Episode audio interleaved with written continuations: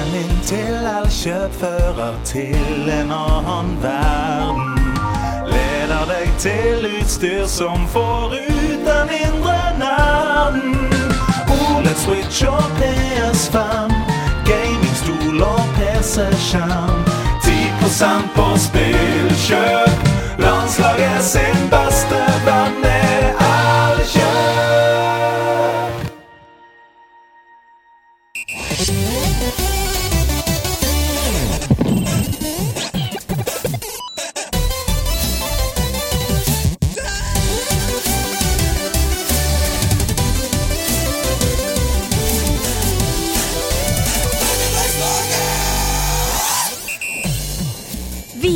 samlet her i aften for å dele en glede, en glede som er gitt og skjenket menneskeheten gjennom Messias Andreas Hedemann fra Hidio Kojiba. Dra krakken bortåt glaset. Alle sammen som sitter og hører på nerdelandslaget. Det måtte selvfølgelig være det som var catchphrasen denne uka. I dag så drar vi alle krakkene våre bortåt alle glass. Eh, For Sebastian Brynestad, Ja. vår kjære falne kamerat. Hei til deg. Jeg vet du hører på. Um, det er, det er, altså, hvordan skal man begynne denne episoden, liksom? Det er jo, Vi skrev det på Instagram på mandag denne uka. Det er en vemodig uke i nederlandslaget. Seb har takka for seg som kaptein på laget etter to og et halvt år, med tiertog, med krakk bortåt glaset, Med uforglemmelig frokostshow. med en sitatmaskin av rang. Med eh, Git good, good, good, good, good. og med et irrasjonelt hat for Red Dead Redemption. Yes. Det er utviklerne fra Red Dead Redemption som har kontakta oss. Nei sånn, Nå holder det! Ja. Nei da, altså, sånn er livet. Vi skrev det i posten også. Eh, nederlandslaget skal jo leve videre etter oss. Altså Forhåpentligvis så er det noen som lager nederlandslaget i år 2150, eh, etter at vi er gått bort. Mm. Eh, Kanskje Jamal eller Stine eller eh, Chris. eh, At de er programledere. Og for at Sebastian skal få lov rett og slett til å ta vare på seg selv nå, eh, og ha både mental og fysisk helse i behold, så merker han at han må trekke seg. Og det må vi respektere. Mm. Jeg har ikke noe annet å si eh, enn det. Uh, mm. Er det noe vi syns hadde vært bra i denne poden, er jo at jeg, jeg håper og jeg tror at vi har skapt et rom for å være litt åpen om at noen ganger så kan man treffe veggen, noen ganger kan det være veldig mye. Vi, vi gjør veldig mye. Vi er så heldige å få lov til å være involvert i veldig mye. Mm. Og at det må være greit noen ganger å prioritere seg sjøl først, Ja, på tross jo- av at andre har forventninger til deg. Nettopp, da. Og nederlandslaget er jo først og fremst et overskuddsprosjekt, sant? Uh, hvis man ikke har noe overskudd, så er det vanskelig å prestere i det. Det er jo eh, ikke verdens eh, største økonomi i dette prosjektet, f.eks. Ja da, vi er medeiere, men det er sånn eh, De aller fleste som jobber med dette, gjør jo ikke det som jobben sin. De gjør det fordi de har lyst til det. Og da må man bare respektere det når det skjer. Og så vil jeg bare legge til at det sikkert er noen som hører på eller som har sett på i de siste dagene, som kan tenke sånn Oi, dere tar ganske lett på dette. Det Tilsynelatende veldig lett på det. Men greia er at vi har visst dette i nesten en måned allerede, eh, vi andre i redaksjonen. Så vi har jo snakka sammen, vi har tenkt eh, sammen, vi har snakka med Seb, vi har vært lei oss, ikke sant? Eh, og hatt dialog om det lenge, da. Så bare sånn at dere ikke tror at vi er helt sånn psycho-folk. Vi har jo snakka mye om dette. Dette har vært en prosess. Det har det, eh, og dette er det beste Mm. for Seb, og da er det bra. Mm. For nerdelandslaget også. Og så kommer vi tilbake til hvordan vi løser dette. Det er jo ikke noe å legge skjul på at vi har lyst til å anmelde masse spill, lage masse innhold, eh, og så får vi se om vi får til det med fire personer, eller om vi trenger flere. Det får vi se. Sånn er, det, sånn er livet. Rett og slett. Yep. Men det er, det er ikke bare én som har falt denne uken. Nei, det er jo, eh, det er jo en slags uh, skog av eh, Det er, ikke sant? Vi er en skog. Ja. Og så har du de som heter det vi kaller for vindfeller. Jeg er spent på hvor du skal. Uh, og så er det eh, Når det kommer en, en storm, Mhm. sterk vind, Ja. så er man Altså, du og jeg, vi er vindfellene. Ja. Vi faller ikke, selv om det kommer en sterk vind av f.eks. covid Ja. over Norge. Ja. Vi står sterkt, stødig og tar imot disse trærne som faller litt. For helt til i dag morges så hadde, var det sånn at Stian skulle være vår tredje programlederpartner i denne Mhm. episoden. Men han har altså covid på tolvte dagen, og han skriver at han aldri har vært så dårlig. Han er så lei seg. Han, har, han er kvalm, han er svimmel, han hoster så mye at han ikke husker hva han heter. Ja. Eh, så han falt, rett og slett, i Han dag morges. Vi tok ansvaret fra han. Heldigvis så er det sånn. At det finnes flere vindfeller i en skog! Ja! Og det er så mange mennesker som er glad i nerdelandslaget, og som har lyst til å steppe opp, og en av dem har vært eh, gjest i Sidequest åtte ganger. Han har hatt sin egen opptreden i hovedpodkasten. Han er i Good Game og i gamer.no. Han heter Erling Rostvåg. Ja da, velkommen! Takk. Jeg var sikker på at jeg skulle bli en spire, da, ikke en vindfelle. Men det er Men du er jo allerede en etablert, eh, et etablert tre i denne skogen, tenker jeg. Sa- sant. Ja. Tenker jeg også. Er også jeg da er jeg førstemann som er med i hovedpodkasten to ganger? Uh, nei! Til og med Ida var vel med før du ble på en måte Bare én gang? Ja, okay. Nei, ok. jeg var, Ja. nei, jeg var gjesteprogramleder! Ja, det var du. Og Ja. Ida, Doris, Ida Doris Joint har vært gjest to ganger. Ja, ikke Eh, sant. Cecilie Ramona Kåss Furuseth har vært gjest to ganger. folk som heter Ida. skal Ja, Ida. Dorr er um, hintet her. Men, eh, men uh, det var ikke okay. meninga for å Men det er et celebert altså. selskap, i hvert Ja. fall. Jeg er veldig bæret og stolt og alt. Og Ja. rolig spurt. Og, Sånn sånn. og det blir sikkert Veldig riktig sagt. Veldig bra. Jeg glemte en veldig viktig opplysning. Ja. Det er at du er jo programleder i Spillmatic. Ja. Mhm. En av Norges mest, eller i hvert fall altså, uh, Aslak Borgersrud, din kollega, mm. uh, påstår at det er Norges lengstlevende gamingpodkast. Det stemmer. Fordi vi, ha, uh, vi har Vi hadde en eh, Er dere i eh, Guinness rekordbok? eh, Nei, men vi hadde en Twitter-tråd eh, Ja. hvor, hvor det liksom ble diskutert for sånn eh, åtte år siden eller noe sånt. Mhm. For allerede da hadde vi holdt på en stund, for å si det sånn. Ja, ja, ja. Og dette har jo vært en greie i det norske hiphop-miljøet, at alle er sånn Hvem rappa på norsk først? Ja, ja, Aslak er jo med i den diskusjonen nå. men men eh, eh, vi konkluderte vel med at uh, en annen podkast som jeg har glemt navnet på, var før oss. Ja, ok. Men de fins ikke lenger. nei, okay. Ikke sant? Så vi er den lengste eh, fortsatt eksisterende Ja. podkasten. Altså den eldste spillpodkasten i Norge som ikke har lagt ned. Mm. Eh, og vi har holdt på i 15 år. Det er veldig imponerende. Altså, Det er veldig en imponerende. fantastisk fin podkast om gaming og hiphop. De to grunnsteinene i livet. Ja. Ja.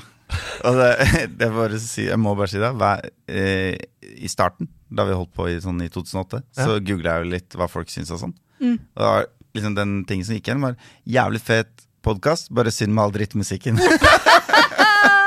Men ja, hvis du vil gi en slags fordeling, eh, hvor mye Er det 50-50 spill og hiphop? Eller Nei. er det Eh, det, det var det litt i starten, Ja. at vi liksom snakka om nye band. Og vi hadde jo vi hadde Cezinando innom før han ble kjent. Og liksom Wow. eh, har hatt Johnny fra Johnny Onkel P på besøk i studio og litt sånn. Mm. Eh, mens nå er det vel egentlig bare at vi prater om livene våre og spill.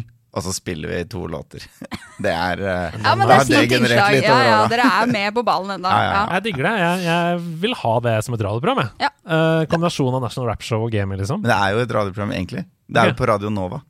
Eh, Ja. Studentradioen i Oslo. Ja. Sånn at eh, det er der vi har vært i alle år. Ja. Det er derfor vi spiller musikk. Fordi når vi legger ut på Spotify, så kan vi jo ikke spille musikk. Så det vi har gjort nå, er at vi klipper ut musikken, så legger vi ut episoden på Spotify, og så har vi en ah. spilleliste nå ja. som heter Spillmatics låter 2003 utover. Sant? Så der ligger de i samme rekkefølge som vi har spilt i. Dere fyller ikke bare med noe sånn eh, på en måte At dere gjør deres egne versjoner? Mjau-versjoner, f.eks.? Mjau, mjau, mjau, mjau. Mjau, mjau, mjau, mjau, mjau, mjau. Hvilken hiphop-låt er det? Mjau, mjau, mjau. Taken over. Oh, taken over. Det var, det var første hiphop-låta jeg kom kom på. er. Norsk rap. Mm. Ja. Ja, det var bra. Nei, men Jeg bare skulle si kjapt, hva er det med Radio Nova som aldri legger ned radioprogrammer? Ja. Altså Kvegpels Fantastisk. Ja, de er oppe i 25 år eller sånn. Eller lengre, kanskje. Helt utrolig. Radio Nova, vi hyller dere. Takk for at dere skaper så mange talenter yep. og programmer som vi elsker. Men vi må snakke om litt ting før vi kommer i gang Vi må snakke om det vi elsker, nemlig gaming! Og det er at på torsdag Ja. Altså om, Hvis du hører dette på premieredagen onsdag, så er det i morgen! Det er i morgen. Torsdag 19. oktober så er det Mario-fest. Her på Oi, du hørte du lo som Mario? Mamma mia! Nintendo har ringt oss igjen.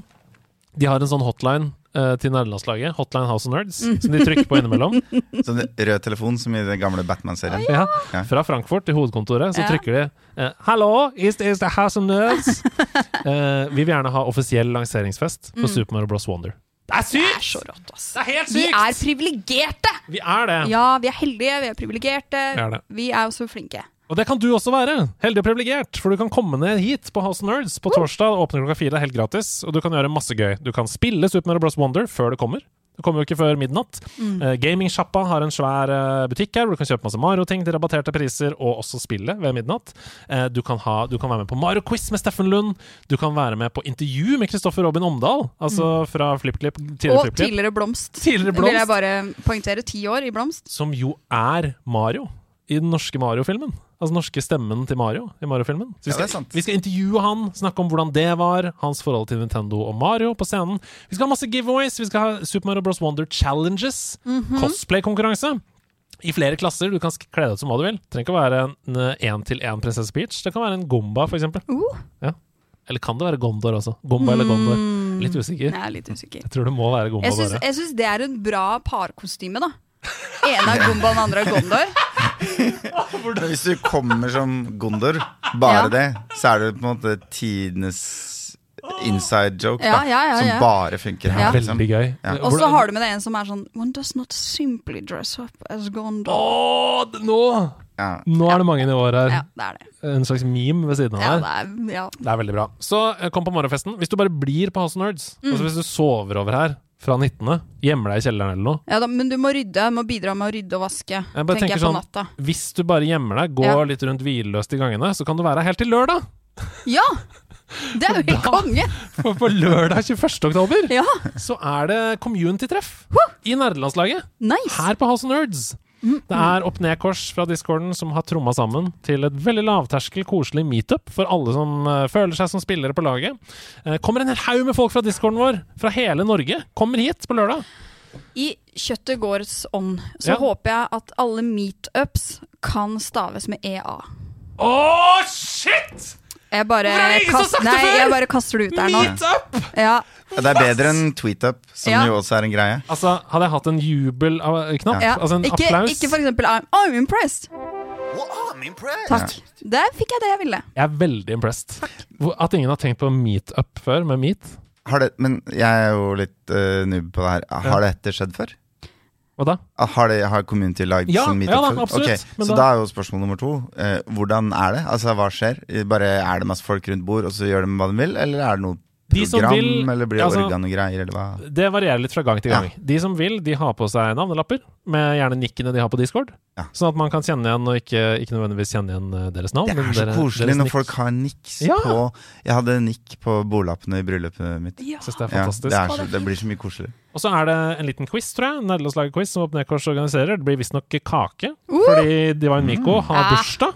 Så hun har lyst til å ta med seg litt kaker og dele ut til de som er her. Og så er det bare møte nye folk hvis du, hvis du har lyst til å få deg nye venner. Det er jo ganske vanskelig å få eh, venner i voksen alder, eller det er i hvert fall en utfordring, da, Mm. å møte nye folk. Så her er det helt ekstremt åpne armer. Mm. Mulighet til å spille masse Mario Kart, Smash, eh, CS på PC-rommet, retrospill osv. Og, så videre, og bare møte folk. Opp Ned-Kors han skriver på Discord Jeg håper så mange som mulig har lyst og mulighet til å komme. De kveldene hvor alle er samlet, har erfaringsmessig blitt ganske minneverdige. Mm. Skriver han. Eller skal vi si ganske ikke-minneverdig, for ingen husker noen ting? ja. Jeg tror uansett det blir veldig gøy. Det blir veldig veldig gøy. Anbefaler alle å komme. Mm. Ta gjerne med, Hvis du skal ha Nick på navnelapp, ha et bilde av en Nick også. Nick Carter, Nick Lachey. Nick fra Level Up. Nick fra Level Up. Ha bilde av Nick fra Level Up. Ja. Mm. Eh, en en er ved siden av navnet Mm. ditt. Mm. Helt fantastisk. Eh, med Ja. andre ord, Mariofest på torsdag, meetup på lørdag. -hmm. Dette er på en måte uka å være i Oslo. Hvis Det du er det. Oslo-uka. Ja, ta bilen din, eller flyet ditt, eller, Eller båten din, og kom deg ned. Ja. Mm. Erling, Ja. hva spiller du om dagen? Uh, I under 24 timer så har jeg Oi. spilt eh, Warcraft Rumble. Oi! Det nye mobilspillet. Warcraft. Ja, det fra nye mobil. Warcraft. Do you guys not have phones? Nei, men altså, jeg må jo si at det er et eller annet med den estetikken. Fordi den er jo veldig lik Altså Det er liksom en høyoppløselig Warcraft 2. Warcraft 2 er liksom mitt første sanntidsstrategispill. Så det, ja. det spiller på en streng i hjertet mitt. Mhm. Eh, men det er jo en slags blanding av Clash Royale Mm. og Warcraft 2, kanskje? Ja. Eh, fordi det er Clash Royale i den forstand at du setter ut Du, du har på en måte en dekk med units, og så Mhm. setter du de bare ut, og så fyller du opp eh, energi eller penger, Mm. gull i dette tilfellet, så du kan sette ut, ja. eh, i et visst tempo. Eh, men så er det litt mer RTS-element i det, fordi brettene er ikke det samme brettet hele tida. Ah. Og det er litt sånn flere lanes å gå i, og av og til går den ene lanen under den andre, så det kan stå noen burskyttere på den øverste og skyte ned. Det er, liksom, det er litt mer sånn strategi, og så kan du også kapre tårn underveis, og da kan du sette ut troppene dine ved det tårnet, altså at du får en fremskutt posisjon hvor du kan sett ut. da Så du får strategiske overtall og sånn. Mm. Um, så litt, litt mer tankegreier og litt mer gøy. Og så Jeg har ikke spilt det lenge nok til å liksom si om det er Er det et mikrotransaksjonshelvete eller Oh, ja, ja, ok, sånn, ja, jeg skjønner. Men har du betalt for å spille spillet? Nei, det er gratis. Det er gratis, ok. Eh, og, så, og, ikke sant? og jeg ser jo alle mekanismene ligger der og lurer. Så det som er avgjørende her eh, Når kommer du til platå hvor du får et eh, Blir det dritt, liksom? Eller er det f.eks. bare PVP-delen, da? Mm. For det er en ganske omfattende campaign, da. PVE-campaign. Og det er ganske gøy. Og, og det ble vanskelig Eller sånn Første brettet jeg ikke var klart på første forsøk, kom tidlig, eller sånn ganske tidlig. Ja. Som jeg syns er bra. For ofte ja, så må du liksom enig. spille gjennom sånn 50 ubrukelig Mm. enkle brett før du liksom får lov å bryne deg på noe. Mm. Uh, men det som bekymrer meg litt, da, er at alle unitsene Altså det er units tilgjengelig i butikken for lekepenger. Og Ja. du får lekepenger av å klare brett og sånn, Ja, okay. så du kan på en måte skaffe deg ting sjøl. Du kan grinde litt Ja. eh, spenn. så eh, men de unitene du bruker, de leveler du jo. Så Mm. de blir veldig sterke. Så jeg er litt sånn bekymra for at jeg kommer til et punkt hvor Ah. jeg har høy level på alle drittunitsa. Ja. Og så kjøper meg nye units som ikke har høy level.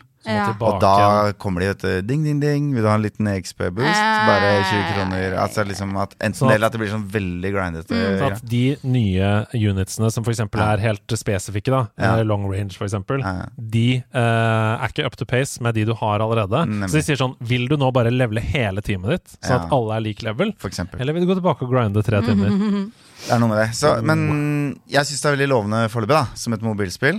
Ehm, det har én kjempestor svakhet, okay. og det er at lydinnstillingene er av og på. Det er ikke en slider. Nei! Fuck det der! Du kan ikke ha det på mobilspill! Nei, du kan ikke det. Fordi jeg vil ha Jeg vil ha litt sånn kling-klang av Ja. mot skjold Men ikke Og Spotify! bak podkasten min. Ja. Ikke sant? Eller et eller annet sånt. For jeg sitter jo på buss og båt Ja, og sånn og, Det er, det, og beste spiller med, her. det er kanskje ikke det beste, men det er en veldig god ting med Pokémon GO. Mm. At du kan Ja. både skru av musikken helt og Mm. ha slider, og at du kan ha eh, lydeffekt yep. i slider. Det må være skilt.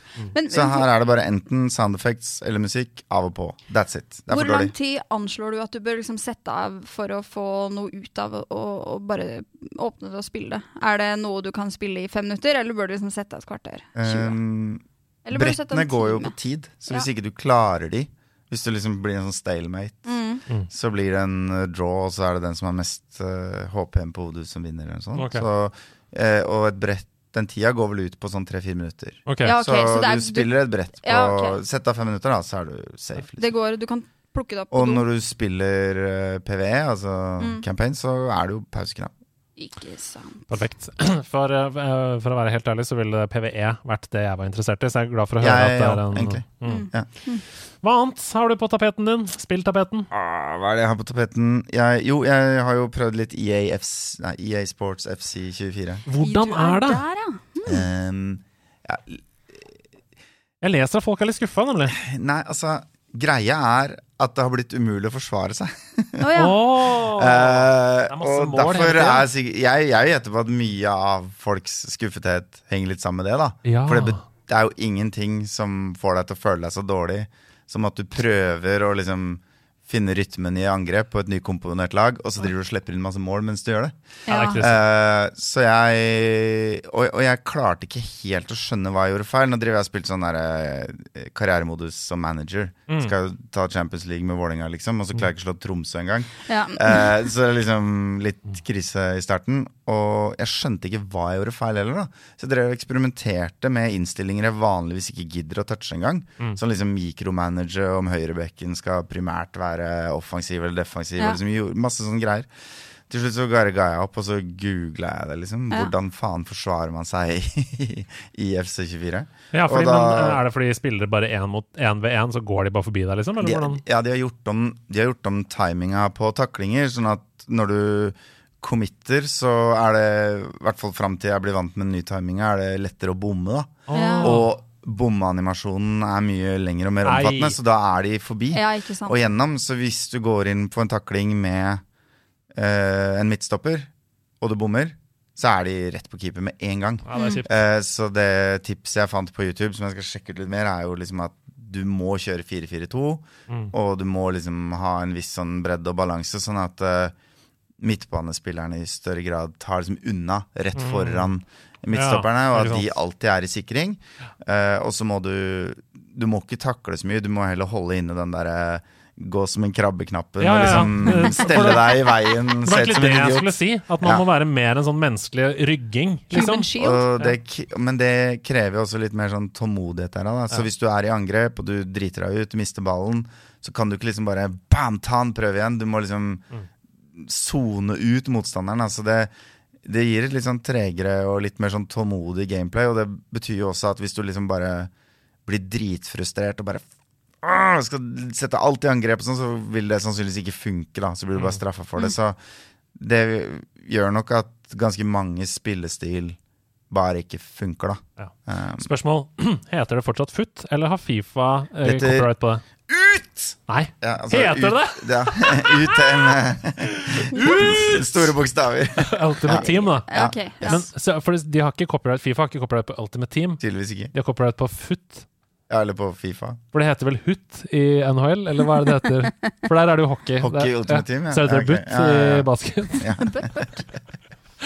Ja. Ja, nei, men det er interessant. Ut Ja. av mitt rom! Har du, har du brukt noen penger på ut ennå? Nei, Nei. Har, det har jeg aldri gjort. Nei. Bra. Eh, noensinne. Og i fjor eller forfjor så tenkte jeg at nå skal jeg bare sette opp et lag i FUT og så prøve noen kamper. Mm. Og det var så mye pop-ups og pakker som måtte åpnes og alt sånn. Jeg føler entrance-terskelen, liksom, på FUT, eller ut, da, er blitt så høy nå. Ja. At eh, alt er liksom bare de, de kaster gaver på meg som jeg sikkert setter pris på hvis jeg har spilt det i mange sesonger. Mm. Yes, nå fikk jeg den, nå fikk jeg den, nå fikk jeg den.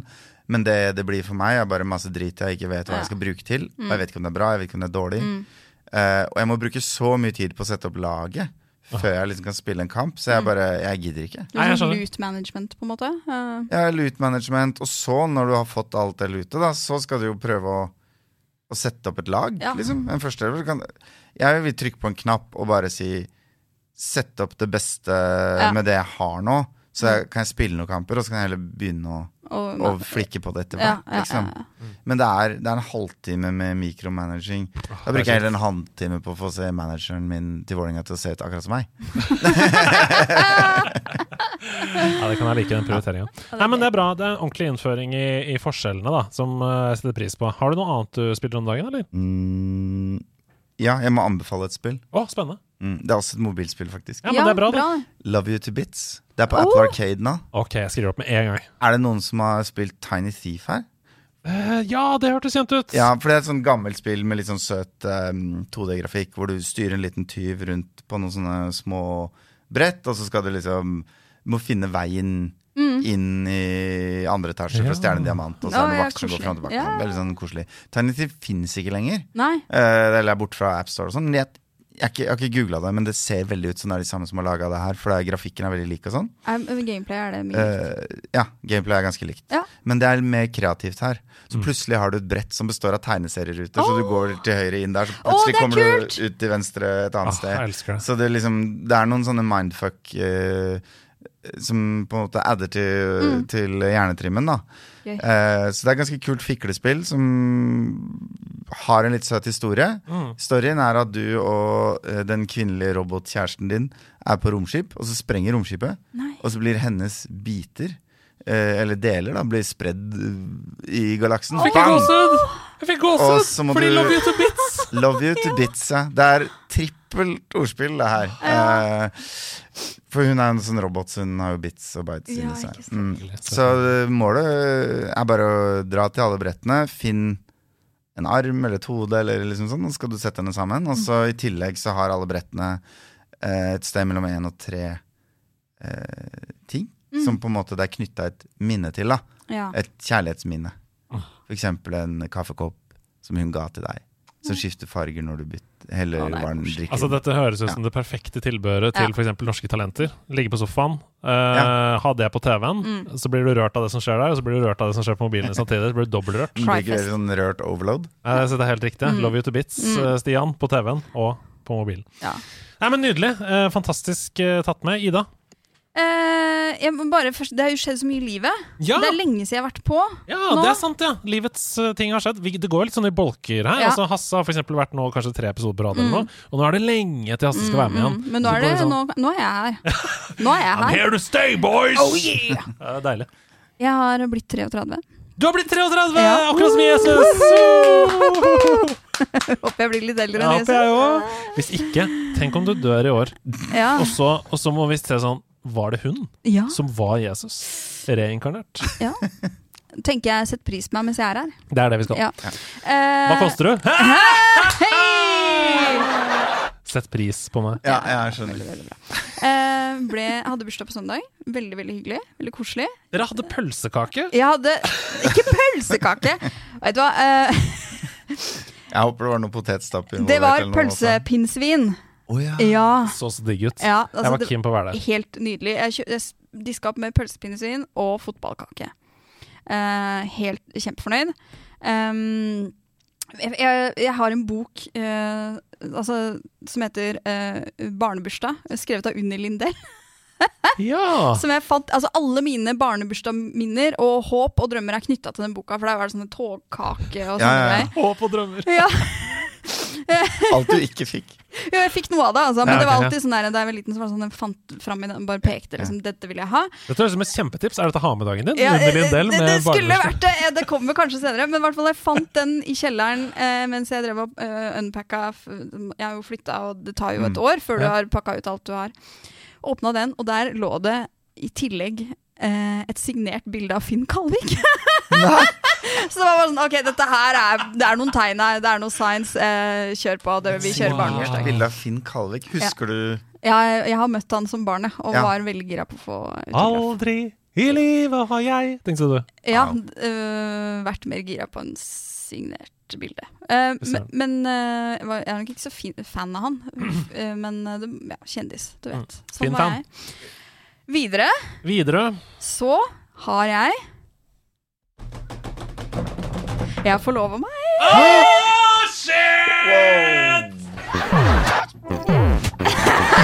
Ja, Nå lurte jeg på om du kjørte latter. Her er det altså button mashing. øh, reactions uh, på Du skal gifte deg! Jeg skal gifte meg! What the Floyd! Tusen takk. Gratulerer! Takk. Wow! Åssen var dette frieriet og alt? Hvem fridde, først og fremst? Hva sa du? Hvem fridde? Jeg fridde. Ja, ikke sant? Jeg Hey! tok, øh, tok saken i egne hender. Ja, det skal du. Jeg gjorde det på den mest Ida-ete måten jeg kunne tenke meg å gjøre det på. Nemlig uh, å eh, forberede en serie med eh, oppgaver og puzzles. Et slags escape room. Et escape room eh, som da min kjære samboer måtte løse. Hadde han da valget mellom å si ja eller bli der inne for alltid? Eh, Dæven, det var det jeg skulle altså, jeg, kan jo, jeg syns det var litt gøy. Eh, Det siste hintet var um, For å finne skatten må du fange katten. Uh, hvor jeg da hadde satt en sånn, Ring. ring uh, som var bare en sånn billig Zalando-ring, Mm. et eller annet, på uh, halsbåndet til katten vår. Uh, så han fant den, og så skjønte han ok, er det her? Og så kom jeg hjem med noen roser og litt sjampis og litt sånn. Det er altså så fantastisk. Han sa ja da, heldigvis. Wow, Ja. yes! Han er har- eh, verdens heldigste mann. Gratulerer til deg, Fredrik, som er- har fått ja fra Ida. Som ga et ja til meg også. Ja, ja. Men det er først og fremst han som er heldig, tenker jeg. Det er veldig hyggelig. Jeg er også veldig heldig. Uh, så det er veldig, veldig stas. Um, Gratulerer! Wow! Wow. Men når, når skal vi få lov til å komme og ha Mario Kart-turnering i bryllupet ditt? da? Ja. Eh, neste år. Ja, perfekt! Tar det med en gang. Er det istedenfor bryllupsdansen, så blir det Mario Kart? Åh, Nå er vi inne på noe her. Ja. Det blir nok et nerde, noe nerdepreg, tror jeg, på dagen. Jeg håper Hasse kan synge Peaches, peaches, peaches, peaches, peaches, peaches, peaches. Du kan svare kritisk til den låta. Ja. Nettopp. Ian Bowser sin brude hvite dress. Det håper jeg veldig. Det må vi få til. Hvis dere kler dere ut som Mario og Peach, og så er det presten kledd ut som Bowser. Eller vir, Viren. Oh, Mm. Det er Det er spennende. Det er veldig veldig spennende. Det er et konsept jeg skal ta med meg videre. Ta med alle tips og triks. Veldig bra. Eh, Veldig vil du ha tips? svært. Vil du ha bryllupstips? Eller vil du helst unngå å få det? For det, jeg ser for meg at folk kan bli veldig gira for dette og sende deg en tusen tips. Hvis det, Eh, jeg eh, vil ha Kanskje si fra når du vil ha det. At Ja, det er sånn, så Nå er det en periode. Ja, ja, nå er det en periode. Men det, kan, det er en del Og mitt kreative hode, der er jeg ganske god, vil jeg si. Mm, Det spinner allerede. Er bra. Eh, men sånn forslag til aktiviteter, f.eks.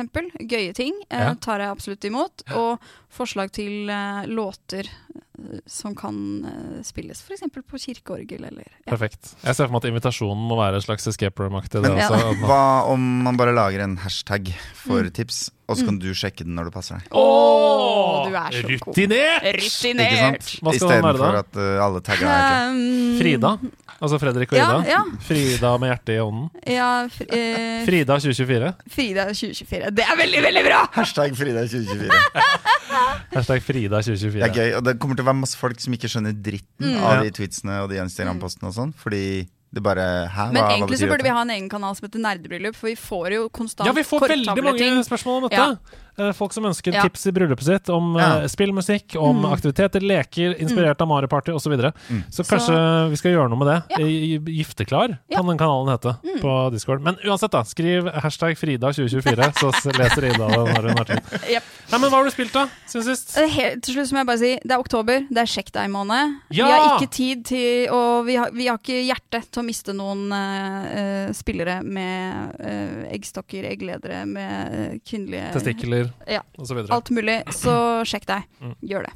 Bra! Hva har jeg spilt siden sist? Jo, uh, jeg og Fredrik har kosa oss med å bare runde Uh, og spilt gjennom um, Age of Empires 2 Co-op Campaigns. Uh, Mm. Det er Oh. altså Det er så gøy!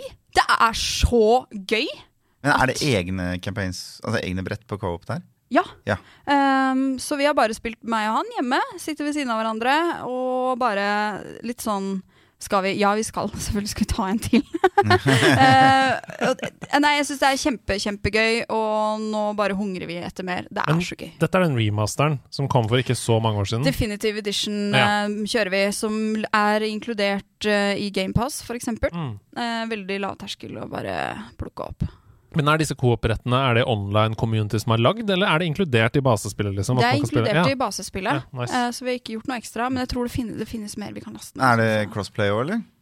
Uh, det vet jeg ikke, men jeg vet at jeg har spilt gjennom GamePass, og Fredrik har spilt gjennom Steam. Ja. Så det er i hvert fall uh, sånn ja. sett man Men kan begge på PC, ikke sant? Ja, begge på PC. Uh, Og jeg men- vil jo anbefale å ehm, dette er jo et spill du bruker for det meste mus, Ja, Eh, ja, så jeg, vil jeg ville ikke spilt dette på en- Nei, og det er sånn Nei. item management og sånn. Ja. Jeg syns det er vanskelig. Altså, Mm. uh, alle sånne strategispill kan jeg vanskelig Litt som med Boulders Gate òg. Jeg sliter litt med å se for meg hvordan det funker på konsoll. Mm. Det kan jeg fortelle litt om, hvis du er interessert i. Funker det ikke så bra, eller? Eh, jo, jo. Men det er klønete, og det er Det er en del ting jeg liksom Jeg spilte jo på PC først, Ja. og så, og så lasta ned på PlayStation etterpå. Ja. For å kunne spille sofacoop med Mm. kona. Så du savner Eh, musepeker? Det er det du prøver å si? Ja, men eh, først og fremst til, liksom, når du skal litt sånn inn i Ja. Menynavigering det er, sånn. Bare, bare det å finne rest-menyen, Ja. liksom, er sånn Mm. Å, faen, hvor var det igjen? Men så Jeg vil jo tenke at det blir uh, Det blir enklere etter hvert, men det er, det er helt klart en, en åpenbar fordel Mm. at jeg visste hva som var i spillet fra før av. Mm, Sånn at jeg liksom Fordi det Vet Vet hva du leter etter. ja, mange funksjonaliteter jeg ikke ville ha funnet hvis ikke jeg visste at de var der et eller annet sted. Og så er det jo fordeler og ulemper. Veldig mange sier at det kjører helt fantastisk på PS5 f.eks., og det kjører ganske ustabilt på PC et- iblant. Så Etter Act 1 Ja. er det snakk om at ting er trøblete på Og det PC. Så var det langt for har ikke meg jeg kommet på. PC. Ja. Mens PlayStation, der er jo spillet er jo porta. Altså det er jo lagd til samme, Mm. Samme hardware Mm. uh, overalt, så det f må nødvendigvis fungere i alle acts. Men nok om det. Uh, Age of Empires. Ja, uh, koser meg med det og får bare ikke nok. Um, Dere er strateginerds begge to? Ja, det er vi nok. Men- Eller er det først og fremst bare spille sammen-nerds? Vi er spille sammen nerds, men det er ganske begrensa hva vi kan spille, med tanke på at vi begge blir veldig kvalme av en del uh, engines. Ja, og uh, førstepersonsting og sånn, kanskje? Ja, det, er, det kan være veldig vanskelig. Uh, og så Nei, det er litt sånn Vi har noen, vi har noen Så er, vi er litt forskjellige, og vi har noen preferanser, men Ja. ja. Men så er det når du sitter der halv to på natta, Mm. og så ser du til Vi høyre eller sover venstre, vi. og så sier du 'skal vi ta ett brett til', og sier Mm. han 'ja, vi tar ett til', selv om det er idiotisk. Mm. Det er da du tenkte 'jeg må faen meg fri', Jeg må liksom. Dette er ekte kjærlighet. Ja, ja. ja, Put a ring on it. ja. Absolutt. I liked it, so I put a ring on Ja, it. Mm. Uh, videre så har jeg jo inntil i går kveld spilt uh, spillet Detective Re Pikachu Returns. Uh, oh, det skal vi snakke mer så det skal snakkes mer om etterpå.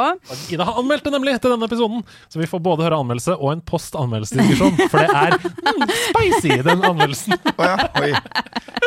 Ja da. Um, jeg har også spilt eh, et, et eh, ehm, mobilspill som heter Cake Sort. Cake sort. Er det så enkelt som jeg tror det er? Ja, det er Sortering, ja. absolutt eh, så enkelt som du tror det er. Jeg, av en eller annen grunn, uh, det må jeg bare med en gang si, det er så mye reklame. Det er så mye reklame hele tida. Jeg har aldri opplevd at det er så mange reklamepauser som det er i det spillet. Men allikevel så bare spiller jeg det Men er ikke det en deal-breaker, liksom? Jeg veit ikke hvorfor, men det er jo tydeligvis et eller annet i min hjerne som dette, dette fungerer liksom godt på. Uh, jeg vil ikke anbefale det til noen andre fordi det er for mye reklame, men jeg, jeg har brukt mange timer på det. Men du har ganske høy tålmodighet og toleranse for sånne ting. Du er Ja. flink til å bare stå i det, tenke på noe annet, og så ok, nå er vi tilbake igjen. Ja, Du er er flinkere enn de fleste. Uh, takk. Det er veldig korte, det er sånn fem sekunder, og så er vi tilbake igjen. Og Eh, Det, det må jeg bare si, for jeg har hatt noen sånne spill som du må se reklame i en mellomrom, og så er det liksom Ok, det er fem og ti sekunders reklamer, og det går an å mute de så podkasten kan fortsette, liksom. Og så har jeg opplevd at noen spill har plutselig så har de havna på en ny innkjøpsliste, og så er alle reklamene Ja. 45 sekunder lange Ja. og kan ikke mutes. Og det bare Det. det går ikke. Nei, det, Det, går ikke. går ikke. Nei. Um, så ja, så det, det har jeg spilt en del. Uh, jeg har jo um, Men hva gjør det? Skal du bare sortere Ja, du får kaker, også, eller du får tallerkener med kakestykker. Eh, noen har én type kake på tallerken, noen har kanskje opptil tre. Og så må du plassere de ut på et brett med er det tolv eh, potensielle tallerken, liksom, ja. liksom. Og så, ja, så flytter jo kaker på seg for å Altså, matche dette- de andre, og så får du en full kake, så forsvinner den. Flåklypa postsorterers største drøm. ja, det er litt sånt. Det er jo det du er! Sånn, ja, det er meg. Perfekt. perfekt. Da skjønner jeg at du tåler både tre og fem sekunder reklame. Ja. se. Jeg gjør det. Um, ellers så eh, spilte jeg uh, i min bursdag uh, kortspillet um, Kryptert ekstremversjon. Kryptert ekstremversjon. Jeg har spilt hva, mild versjon. Ja. Faktisk for en uke siden Ja. sjøl. Kan du også prøve å si kryptert ekstremversjon? Kan du prøve å si det? Kryptert. Ekstremversjon. Ja, veldig bra. Mye, mye bedre bass i stemmen enn Du har ganske bra bass. Um, Jeg kan, jeg kan kjøre litt sånn nattønske, oh. hvis det er ønskelig. Oh, alle blir glad med en gang! På gåsehud. ASMR på ryggen. Ja. Eh, det går i hvert fall ut på at man har en kortstokk, og så på den ene siden så står det en setning eller noen ord litt sånn fonetisk rart, og så skal man si det høyt og prøve å skjønne hva det egentlig står. Og så ler alle Og så ler alle, for det er sånn Åh, du behøver ikke si det- og, så, og så står det jo på andre siden hva det egentlig er, og så er det Men det var overraskende morsomt, og det, Det funka veldig veldig bra, selv om man, vi var vel tolv stykker eller noe sånt. da Det er, det er kjempelett å plukke opp, men ekstremversjonen er det bare liksom groviser. Det er bare dirty. Dirty. Dirty. Jeg, er litt bekymra for at den går i, det går i samme fella som Cards Against Humanity. At det er kjempegøy fem ganger, og så er det Mm. aldri gøy igjen. Jeg syns Cards Against Humanity er, fortsatt er gøy, men jeg syns alle de der etterlignerne som bare har bomma på tonen Politisk ukorrekt. Ja. som bare er Ha, nå sier vi noe stygt. Det er liksom ikke noe Nei, ikke smartness, De bommer liksom Ja. litt på tonen og smartnessen, og så bare bare breeder de deg til å bli et rasshøl isteden. Ja, For det som er at Ja. uh, Cards Against Humanity Vi har kjøpt masse expansions og sånn. Mm. Camilla og jeg, Vi har en hel, hele den der big uh, black box Ja. full av kort. Altså Oi. alle expansionene. Ja, ja, ja. Så vi har sånn geek-expansion og sånn. Og det er gøy, men etter hvert så skjønner man en slags, Ja. et slags system. Ja. Og så blir det sånn Ja, dette kortet har jeg sett ti ganger før. Mm. Det er Ja, ikke så ja. gøy lenger. Og så er det, det er litt sånn som hvis man havner i penisfella på Jackbox. Ja. At alle bare syns det er gøy hvis du sier penis, liksom. Og det er, Mm. det er gøy i 20 minutter. Det er gøy i 20 minutter. Og så er du så sliten at du bare Og så er det ikke liksom bare sånn Ja, å, så sinnssykt smart humor du har, som klarte å si det, liksom. Ja. men Men det- min versjon av kryptert, jeg må bare si det, den har Ja. tre forskjellige farger. Oh, ja. Så det er én farge som helt åpenbart er sånn her eh, Halvparten av svarene er eh, et realityshow på TV. Ah, så det er sånn ok, ja. populærkulturelle Ja. referanser. Og så er det én farge som er sånn uh, dirty talk, sånn Ja, uh, Bli med på one night stand, da, Ja, et eller ja, ja. annet. Liksom sånne type setninger. Eller dildo oppi rumpa, eller Ja. liksom sånn. Og så er det en Kan jeg bare si en ting som jeg tenkte på Ja. denne uka her? Hvorfor finnes det ikke en pornofilm som heter Dildo Baggins? Jeg tror det gjør det. Det må Eller du er det et eller annet populærkultur som, som har noe med det å gjøre? Det Fordi det er for gøy. At det er sånn na-na-na, na-na-na, na-na-na, Mr. Bilbo! Og så er det liksom Jeg, jeg vil ha det. Han må finne ringen. Dildo Baggins and the anal ring. Lord of the ringmuskel.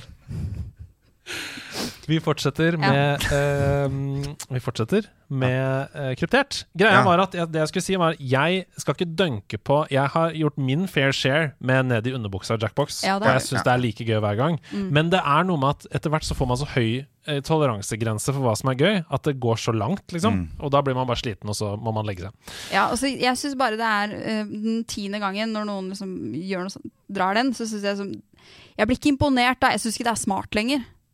Du må være smart. Ja, Da, ble, da syns jeg det er gøy. Ja. Skal spille kryptert, så må du være smart. ja. Kan jeg bare si, altså, kry- Konseptet kryptert Det opplevde jeg for første gang da jeg var tolv år. Ja. For da var det moren til noen venner av meg. Hun hadde liksom fire sånne setninger som hun hadde pugga. Som hun liksom hadde som en sånn selskapslek. Som hun da bare kan dra folk én gang. Ikke sant? Ja. Og så, så skrev hun ned på en lapp, og da skrev hun uh, MASH, altså M-A-S-J, to ganger. Mm. Og så, så skrev hun EFEN, og så skrev hun æra. Og når Mash, du sier det, mash, mash, sjefen æra. Hvem er det som er sjefen her, da? Ikke sant? Å, dette er Eh, sterkt. Eh, og dette liksom bare, Og så gir hun det på en lapp, og så unga hennes og alle som kjente henne godt, hadde jo alle hørt den setningen før, og så gir du det på lapp til den stakkaren som er der første gang, og så må du lese høyt mange ganger, og sitter alle og ler, og, det er basically hele er Her har, du, her har du selskapslektips ja. til gjør- bryllup, ja. hvor du har lagd egne kort. Mm. Ok, jeg jeg skal snakke litt om hva jeg har spilt siden sist. Um, jeg har jo runda 100 timer i Starfield. Oi. Uh, og Vil du Vil du snakke om det? Var det det du skulle si? Vil du snakke om Hei, eh, jeg heter Andreas, jeg er avhengig av Starfield. Ja. eh, jeg innså etter 100 timer at det var en hel faction jeg ikke hadde begynt på. Sånn er det spillet. Mm. Uh, jeg, jeg elsker det. Jeg ga det jo 90 av 100, og jeg står klokkereint for den karakteren Du fortsatt. Det. er ikke perfekt, det syns jeg ikke. Eh, har noen utfordringer, men for meg er det perfekt. Mm. Jeg, jeg husker um, I episode 200 så snakka Jon Cato om det også. For oss som har vokst opp med at det er loading screen hver gang man åpner en dør i spill, så er det helt perfekt. Men, men i og med at en anmeldelse jo skal være subjektiv, Ja. uh, vil, du- vil du ikke gi til 100 av 100 Nei, fordi det har noen ting jeg irriterer meg over. Ja, og det er, ikke, det er ikke perfekt liksom for meg heller. Dessuten så hadde vi Vi lagde en um, sidequest denne uka her med eh, Audun Rodem og Andreas fra Level Up om anmeldelser, der jeg hardnakket hevder at anmeldelser skal inneholde objektivitet også. Så eh, Ja. hør på den når man kommer til den i Ble det en eh, heftig diskusjon? Ja, det ble det. Og det Ja. var veldig fint. Det. Mm. Uh, det ble kjempebra. Men jo, jeg innså at det var en hel faction jeg ikke hadde begynt på, nemlig United Colonies, UC, eh, som er på en måte Når du kommer til hovedstaden i Starfield, eh, New Atlantis, eller hva den heter Jeg har Jeg i 100 timer, husker ikke hva hovedstaden heter. Eh, så er det på en måte hovedgreia der, da. Den faction.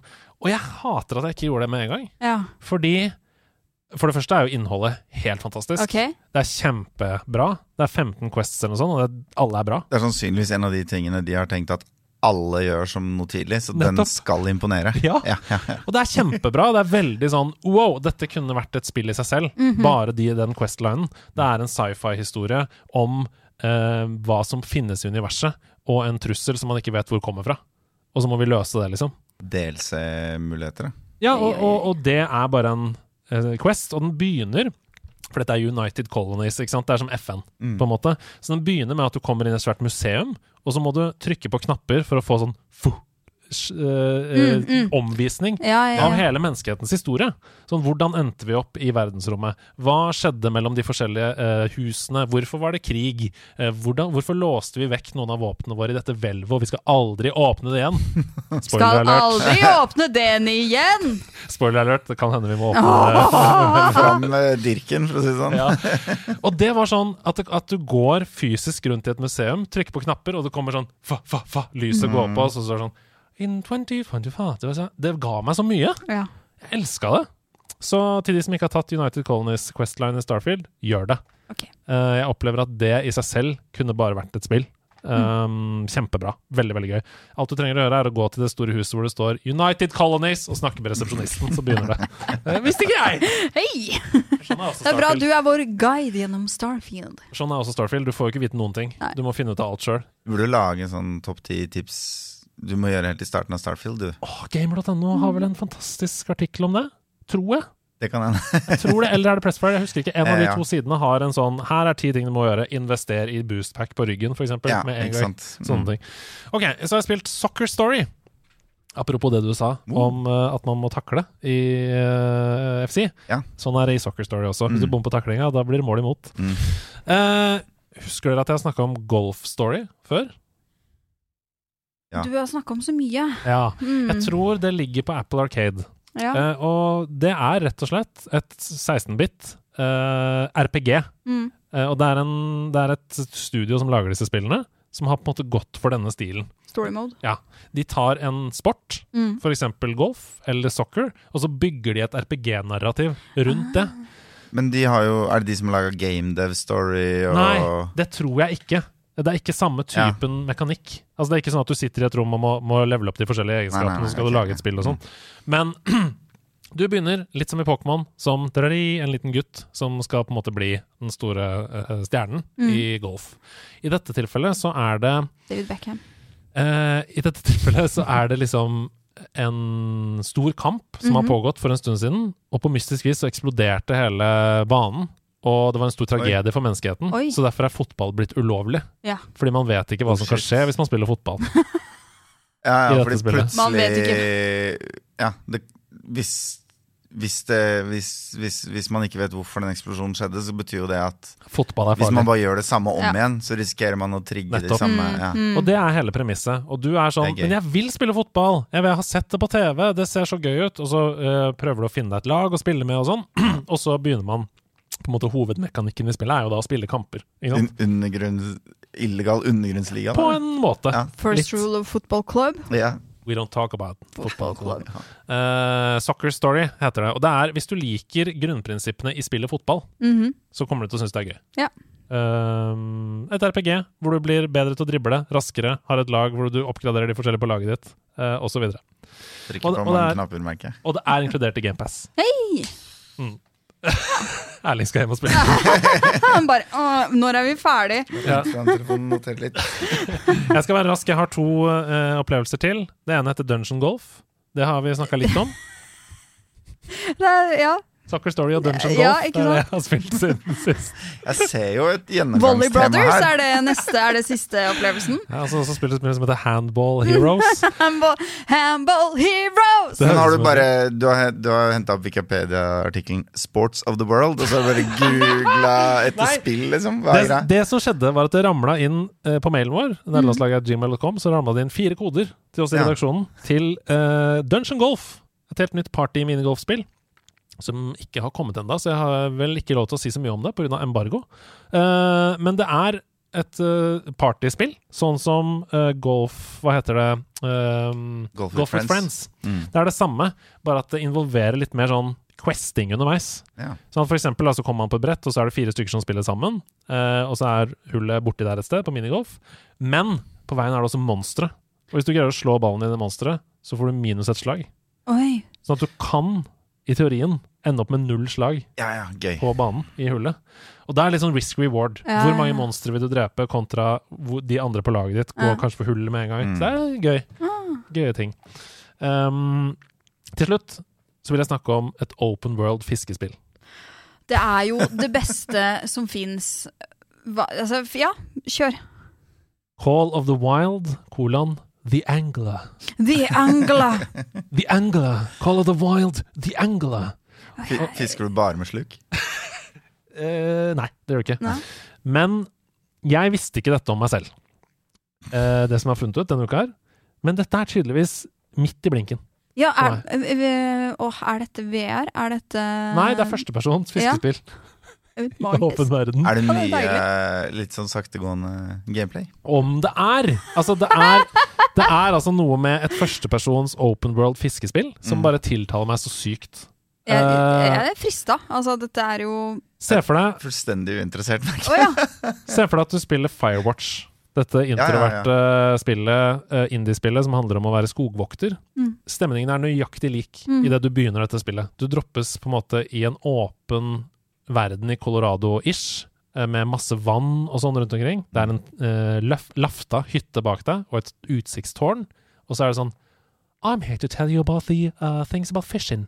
Og så lærer du deg hvordan du fisker. Og så står du der og fisker, og det er Call of the Wild the Angler er alt jeg elsker med å være ute i naturen, uten å trenge å gi opp komforten av å være hjemme. Det er helt Ikke noe, fantastisk! ikke noe våte ullsokker eller Ikke noe frisk litt luft kjølig eller vind eller noe. Du trenger ikke å gå på do uten toalettpapir. Hey!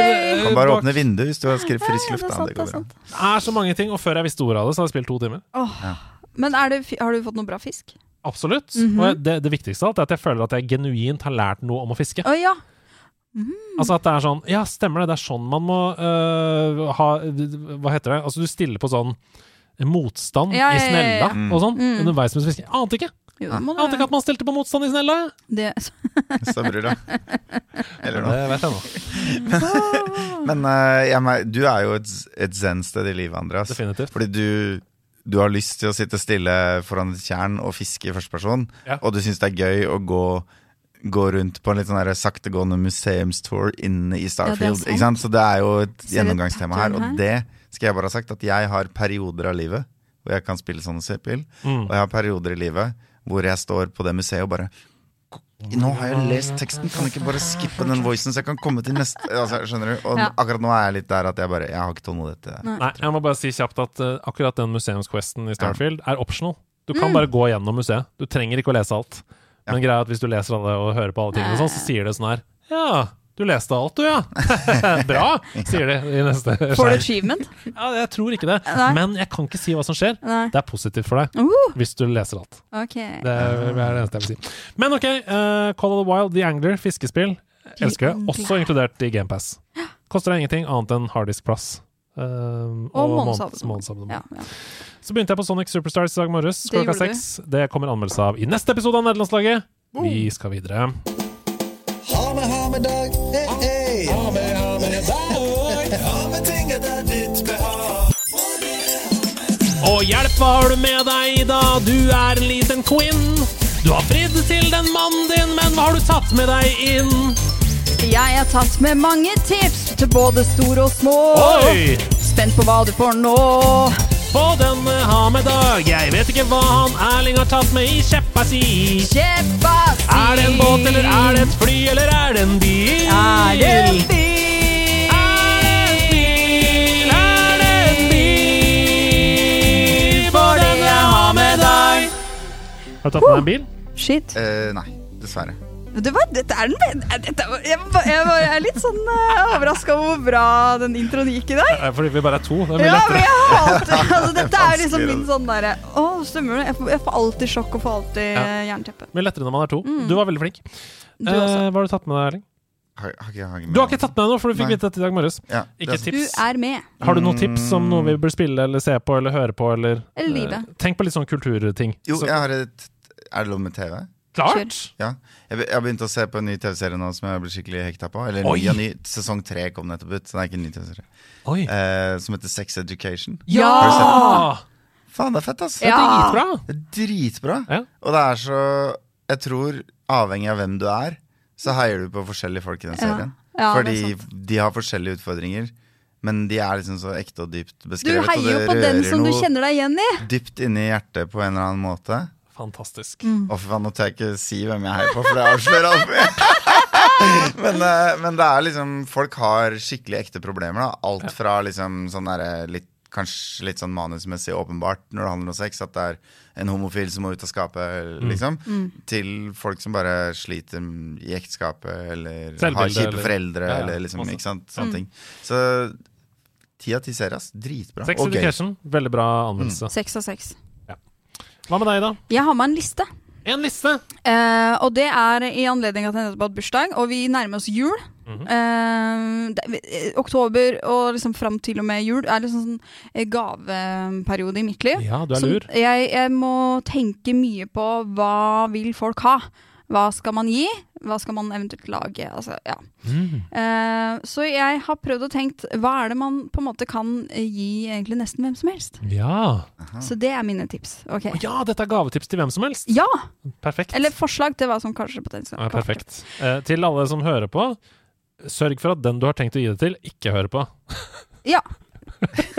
For eksempel. Hvis du har en venn som også lytter til nærlandslaget, så bare ringer du og så bare. Ikke Ikke hør på neste episode! I hvert fall ha med deg. Hopp over ha med. Ja, hopp over. Eh, ok, så her kommer min topp fem-liste. Eller uh, fem ja. Fem gavetips. Nummer én navnelapper slash stickers. Du vet sånne navnelapper med navn og telefonnummer? Som du kan bare klistre på ting du eier. På AirPods, på telefonen din, på bla, bla. bla. bla. Perfekt. Genius. Jeg blir nostalgisk av det. Alle For jeg trenger føler, jeg føler vi er på 90-tallet. Ja. Altså, det, jeg har barn i barnehage. Ja. Ja, Mm. De har på alle klærne sine. Ja, ikke sant? Ikke Absolutt Men alle du, klærne sine. men du trenger jo det på de tinga du Som er sånn derre ah, dritt at jeg mista det, liksom. Ja. Eh, Tenk om Eller, mm, ja. Perfekt. Kjempegodt tips. Ja. Nummer to Dessuten så føler man seg sett hvis man får navnelapp med sitt navn på. Ikke Og du har gått inn et sted og bestilt med meg. Ja. Koselig. Så ikke gi navnelapper med ditt eget navn. Det er dumt. da prøver du bare å ta ting. Det sånn ting. blanke ting som du må skrive på Ja, selv. nei, det, da gjør de ingen en nei, tjeneste. nei, nei. Nummer to ekstra lang ladekabel. Åh! Til Yes. telefon. Jepp. Yes, yes, yes. Alle trenger det alltid. Mm. Alle trenger det alltid. Nummer tre gavekort på lokalt kulturhus eller kino. Perfekt. Yes, alle, alle trenger påfyll på den måten. Dessuten er det ikke noe man uh, nødvendigvis tar seg råd til, men Mm. man setter alltid pris på det Jepp. Mm. når man er på det. Og så oppfordrer jeg litt til å bruke de fasilitetene, kulturfasilitetene som er i nærheten. Support your jeg, local ja, culture business-aktig. Kjempebra. Nummer tre, nei fire, eh, morgenlevering med frokost. Ja! Ingen blir sur av å få en frokost på døra på bursdagen din eller eh, i romjula eller altså Bare ikke bestill pannekakerøre, for det blir sånn Nå må jeg jobbe. Ja. Eh, jeg vet at folk syns det er spennende. Sånn, Å, det kommer pannekakerøre i, et, eh, i en flaske. Folk vil ikke ta opp stekepanne og holde på, de vil bare ha det de skal spise. Ja, jeg og- hadde takka ja til pannekakerøre. Jeg har altså. driti meg ut på, på morgenlevering. At eh, jeg liksom sitter og ser sånn Å ja, men eh, litt sånn eh, skinke, spansk skinke Mm. er godt. Og så må vi jo ha et brød. Men brød er litt kjedelig, så vi må kanskje ha rundstykker òg. Oi, den skolebolla så god ut. Og så ender jeg opp med å bestille morgenlevering.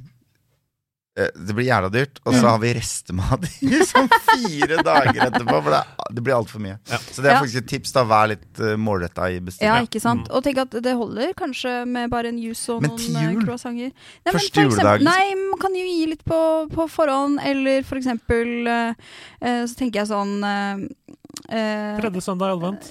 For eksempel, eller hvis noen har bursdag. Ja, perfekt. Ja, ja. Eh, og siste tips en skikkelig god kjøkkenkniv.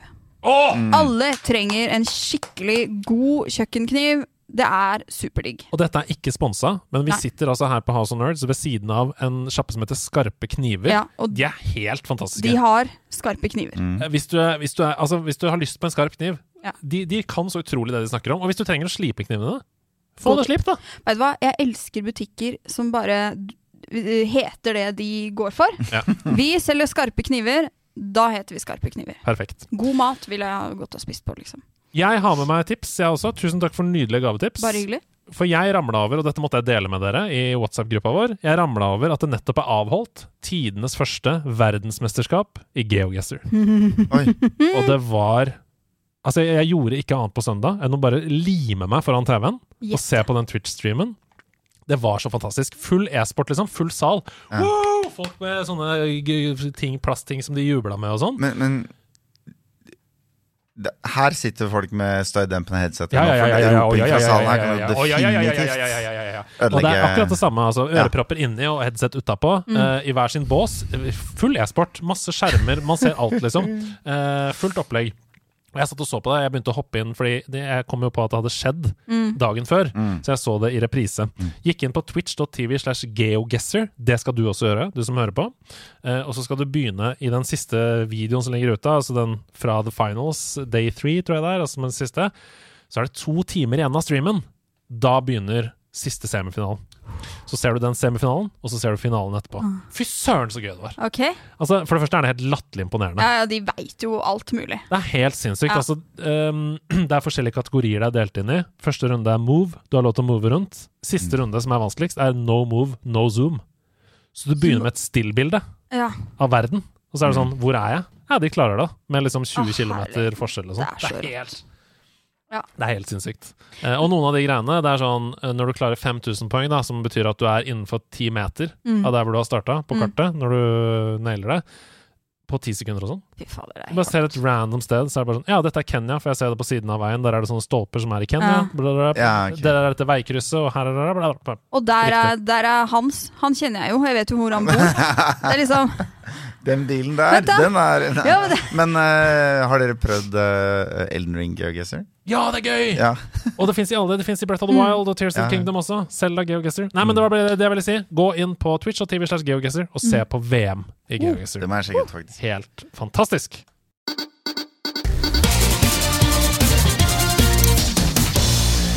Dra krakken bortåt glasset!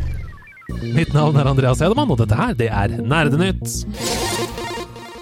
Vi er jo tre som kan mye om nyheter her, så vi diskuterer alle sakene. Uh, først innenriks. Hei sann, sveisann!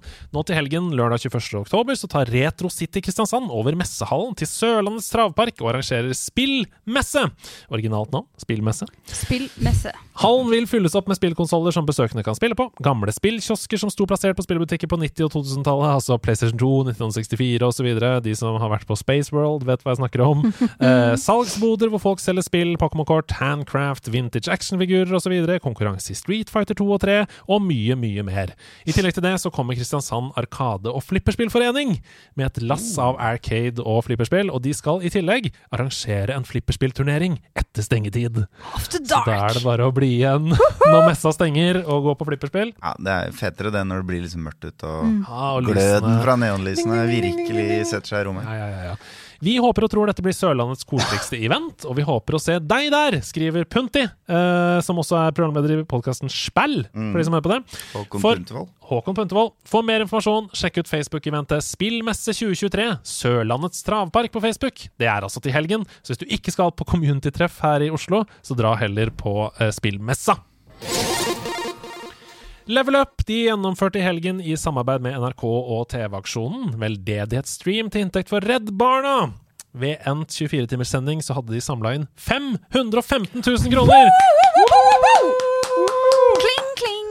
Der annet Sparebank1 SR-Bank og Sparebank1 SMN bidro med 100 000. Og akkurat det er så bra. Vi har jo selv etterspurt at de større aktørene kommer på banen med sånne events, fordi det er bare så så mye vi privatpersoner kan bidra med.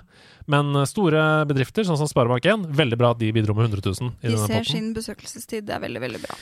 Pengene fra denne gaming-aksjonen den går til barn som er rammet av krig og konflikt. Blant annet vil inntektene fordeles mellom prosjekter i Ukraina, Syria, Bangladesh, Sør-Sudan, DR Kongo og Norge, forteller Redd Barna på sine nettsider. Så nok en gang, altså, så redder gamerne verden. Um, deilig. That's how we work. That's how we work, boys and bit. girls. Ja, bit for bit, ja. Mm. Perfekt. Jeg satt og så på. Jeg fikk sånn sjukt savn. Sånn intenst savn etter å gjøre veldedighetsstream Ja. selv. Det er det morsomste i verden. Ja. Og det slitsomste i verden, eller? Helt sykt. Altså, fordi samtidig, ikke sant, Level Up de la ut et innlegg på Instagram som ble avslutta med 'Nå skal vi sove'. Ja. Jeg ja, bare og jeg har sittet og sett litt fra sidelinja hvordan det har blitt jobba med å forberede den streamen. Ja. Og det er jo det er ikke sånn at de bare jobber den dagen. Nei. Nei, Nei. Det er ganske mye på forhånd.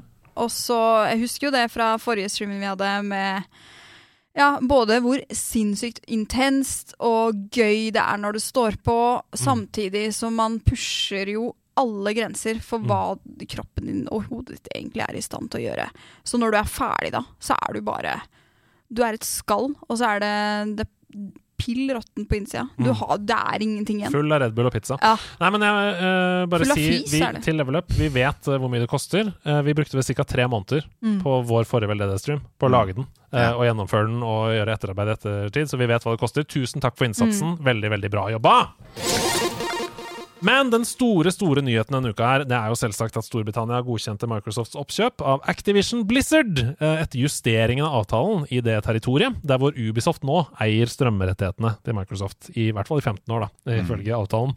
Microsoft de la selv ut en gåsehudfremkallende video på YouTube der de ønsket velkommen alle IP-ene i Activision Blizzard-systemet inn i Xbox-familien. World of Warcraft, Call of Duty, Guitar Hero, Candy Crush Saga, Tony Hawk, Diablo er bare noen av spillseriene som nå lempes inn i Xbox sin stadig Tenk om det skjer noe med Guitar Hero. spillportefølje. Sannsynligvis. Men tenk om, Ja, tenk siden de nevner det, liksom. Ja, ja, ja. men tenk om Diablo nå blir liksom inkludert i GamePass. Jeg har brukt 850 spenn på det spillet. Tror du ikke de gir litt sånn karantene på det? Altså, Ja, det må- Ja, jeg tror det, Ja. det, altså, de, de har jo sagt at de første spillene Det går rykter om at de første spillene skal komme allerede nå i oktober. mm. Men så sier samtidig nyhetssider da eh, som er relevante, at det ikke kommer til å være noe før våren 24. Så vi får bare se. Men du kalte dette den største nyheten. Ja, Jeg vil jo påstå at det kanskje er den nest største, da. vi vi får se Ja. om vi kommer tilbake til det i neste ledd. For jeg er litt usikker på hva jeg skal føle om dette oppkjøpet generelt. Mm. På vegne av spillindustrien så er jeg litt stressa. Mm. På vegne av spillere så er jeg veldig gira. For det betyr jo at så mange som mulig, eh, også eh, lavinntektsfamilier f.eks., får oppleve helt utrolige spillopplevelser i et sjukt billig abonnement. Mm. Altså, eh, hvor mange måneder med, bil- med GamePass kan du få for ett PS5-spill? Et nytt PS5-spill? Det er liksom nesten et år. Ja. I hvert fall et halvt år Ja. med, med GamePass. Så jeg syns det negative er at det er kjedelig for småbarnsforeldre for eksempel, at Spyro, Crash og andre IP-er nå ikke kommer på Switch Mm. fra nå av. Det kommer for alltid til å være eh, Ja. ekskludert å være på Xbox. Mm. Ja. Det må vi anta. Ja. De sa vi skal ikke gjøre andre ting eksklusivt, og så satte de alle Bethesda-spill Ja. eksklusivt på, på Ja. Xbox. Så Men, men vi så jo hvor dritt det gikk for musikkindustrien med Spotify. Det er det jeg prøver å si. Mm. Ja. Samtidig som det gjorde tilgjengelig eller, Samtidig så har vi jo fortsatt musikere, og folk bare tweaker eh, um, Tweaker hvordan de tjener penger. Ja da. innen, Det er, bare, det er ikke de samme live-mulighetene for spill. Nei, øh, nei, og, og ja. Samtidig så er det enklere å oppdage nye artister, ikke sant? Det Fordi er ikke sikkert det er, er sammenlignbart, fordi det var en overgang fra album inn i enkeltlåter, og en del Mm. sånne ting skjedde før strømmetjenestene Godt kom. godt Så det poeng. kan godt hende at den utviklinga hadde skjedd uansett, Mm. og at liksom konsertene har jo alltid vært vært for, Særlig for art, snevre artister. Mm. Vært liksom hovedinntektskilden, Mm. ikke sant. Mens her er det faktisk bitte litt annerledes, da. Ja. Eh, utgangspunkt. Ja, nei, jeg- bare håper um, at uh, de blir ivaretatt. At folk uh, Ja. Mm. At folk ikke mister jobbene sine. At folk uh, Ja. Ja, for det er jo trusselen. Altså, og ikke minst ehm, eh, hva skal jeg si bredden i spillmediet. At man bare har mulighet til å ta inn spillopplevelser som er eh, veldig Hva skal jeg si eh, treffer mange, da. Men det som er den som jeg hinta til, som kanskje er den største nyheten, det gjør det. Ja, ja du vet hva det er? Den andre okay. store nyheten knytta til dette er nemlig at Bobby Kotick, nåværende administrerende direktør i eh, Activision Blizzard King, slutter i selskapet 1.1.2024. Det skriver gamer.no. Eh, flott på deres egne nettsider. Mhm. Kotick har vært sjef i Blizzard siden 1991, og vi må si dette, reddet selskapet fra konkurs i løpet av seks år. Eller Activision eh, har han vært sjef i Mm. siden 1991. Han redda det selskapet fra konkurs. I 1997, seks år etter, så var de gjeldsfrie, og begynte da arbeidet med å bli den giganten de er i dag. Men Kotick har samtidig vært leder gjennom en rekke skandaler, bl.a. da staten California saksøkte selskapet for å ha lagt til rette for elendige arbeidsforhold, grov trakassering og kjønnsdiskriminering. Og dette skal angivelig Bobby Kotick selv ha visst om. Ikke bare det, i 2006 så skal han angivelig selv ha truet en assistent på livet i en telefonsvaremelding. Og dette ble det søksmål av, som endte med forlik utenfor retten. Ja, og da er det sånn at det forliket innebærer at eh, alle har taushetsplikt. Så det får vi aldri høre. Det får vi aldri vite noe om. Men alle reaksjonene jeg har lest på dette, priser seg lykkelig over at Kotick nå er borte. Men Erling, Ja. dette har jeg hentet direkte fra din Facebook-profil. Mm. Forsvinner denne ødeleggende kulturen med Bobby Kotick? Altså, Hvordan snur man en hel firmakultur i et så stort selskap? Ja, fordi det er Eller det skjer ikke av seg sjøl. Eh, fordi Bobby Kotick har gjort mye gærent. Og én ting er den grådighetskulturen han sto for. Den kan hende endrer seg litt. da At de får en litt annen vinkling på hvordan de tjener penger på spillerne. Eh, For det er liksom policy fra toppen i Microsoft. Men det som også har skjedd her, er jo at de har, de har utvikla en bedriftskultur hvor liksom trakassering og hets og, og overgrep er liksom en del av hverdagen. Eh, og det er jo ikke Bobby Kotick som har stått for alle disse overgrepene. Så det er jo masse folk inne i den bedriften som Nettopp. da ikke har fått sin oppgjørets time. Og er Microsoft i stand til å ta tak i det der? Ja. Uh, og om de er det, er de det uten å ramme masse uskyldige? For det enkleste for Microsoft da er jo på en måte bare sparke halvparten. Ikke Ja. sant? Litt sånn rått og brutalt, og så Mm. bygge den opp fra bånda. Mm. Men ehm, ja, det, det er ikke gjort av seg sjøl, i hvert fall. Men uh, det er heller ikke mulig uten å kvitte seg med Bobby Cottick. Så det er jo definitivt et steg i riktig retning. Det starter jo der, da. Ja. Og så må vi jo bare håpe at de følger opp, og at det blir, ikke blir bare en sånn signalhandling. Mm. Og liksom, ja, men vi gjorde det, da er det vel greit. Uh, Det må jo følges opp. Ja, Mm. Så for de som liksom jubler nå, så det er lov å ta seg en skål uh, over Bobby, Bobby Kotticks karrieres død, holdt jeg på å si. Mm. ha, det er ikke noe synd på han heller. Han, men uh, for penger og sånn, det har han. Men, eh, men eh, eh, det, er, de, er, det, er, de, er ikke, de er ikke ferdig. Eh, det er fortsatt en jobb å gjøre der. Kanskje han kan få long, skikkelig long covid. Ja, det er lov. Det er lov å håpe. Førstelektor Joakim Johansen Østby ved Institutt for medier og kommunikasjon på UiO har utarbeidet forskningsrapporten Skeive spillutviklere og spillere, som ønsker å svare på hvordan skeive spillutviklere og spillere opplever spillindustriens forsøk på representasjon i dataspill. Vi har bl.a. lagd en sidequest med Grunde Almeland om dette, og representasjon. Kjempefin i forbindelse med Skeivt kulturår i fjor. Kan sjekkes på uh, internett, den episoden. Men den rapporten snakker også om hvordan det er å være åpent skeiv i spillkulturen på nett, og som spillutvikler og hvordan spillindustrien kan jobbe da, for økt mangfold og inkludering av skeive. Eh, Det gjennomgående i rapporten er at skeive spillere de sier at de ønsker seg fortellinger som er realistiske og nyanserte, og at representasjon er viktig for å føle seg sett, men at det ikke nødvendigvis er viktig at det er den konkrete spillerens legning som er representert. Bare det at det er variasjon.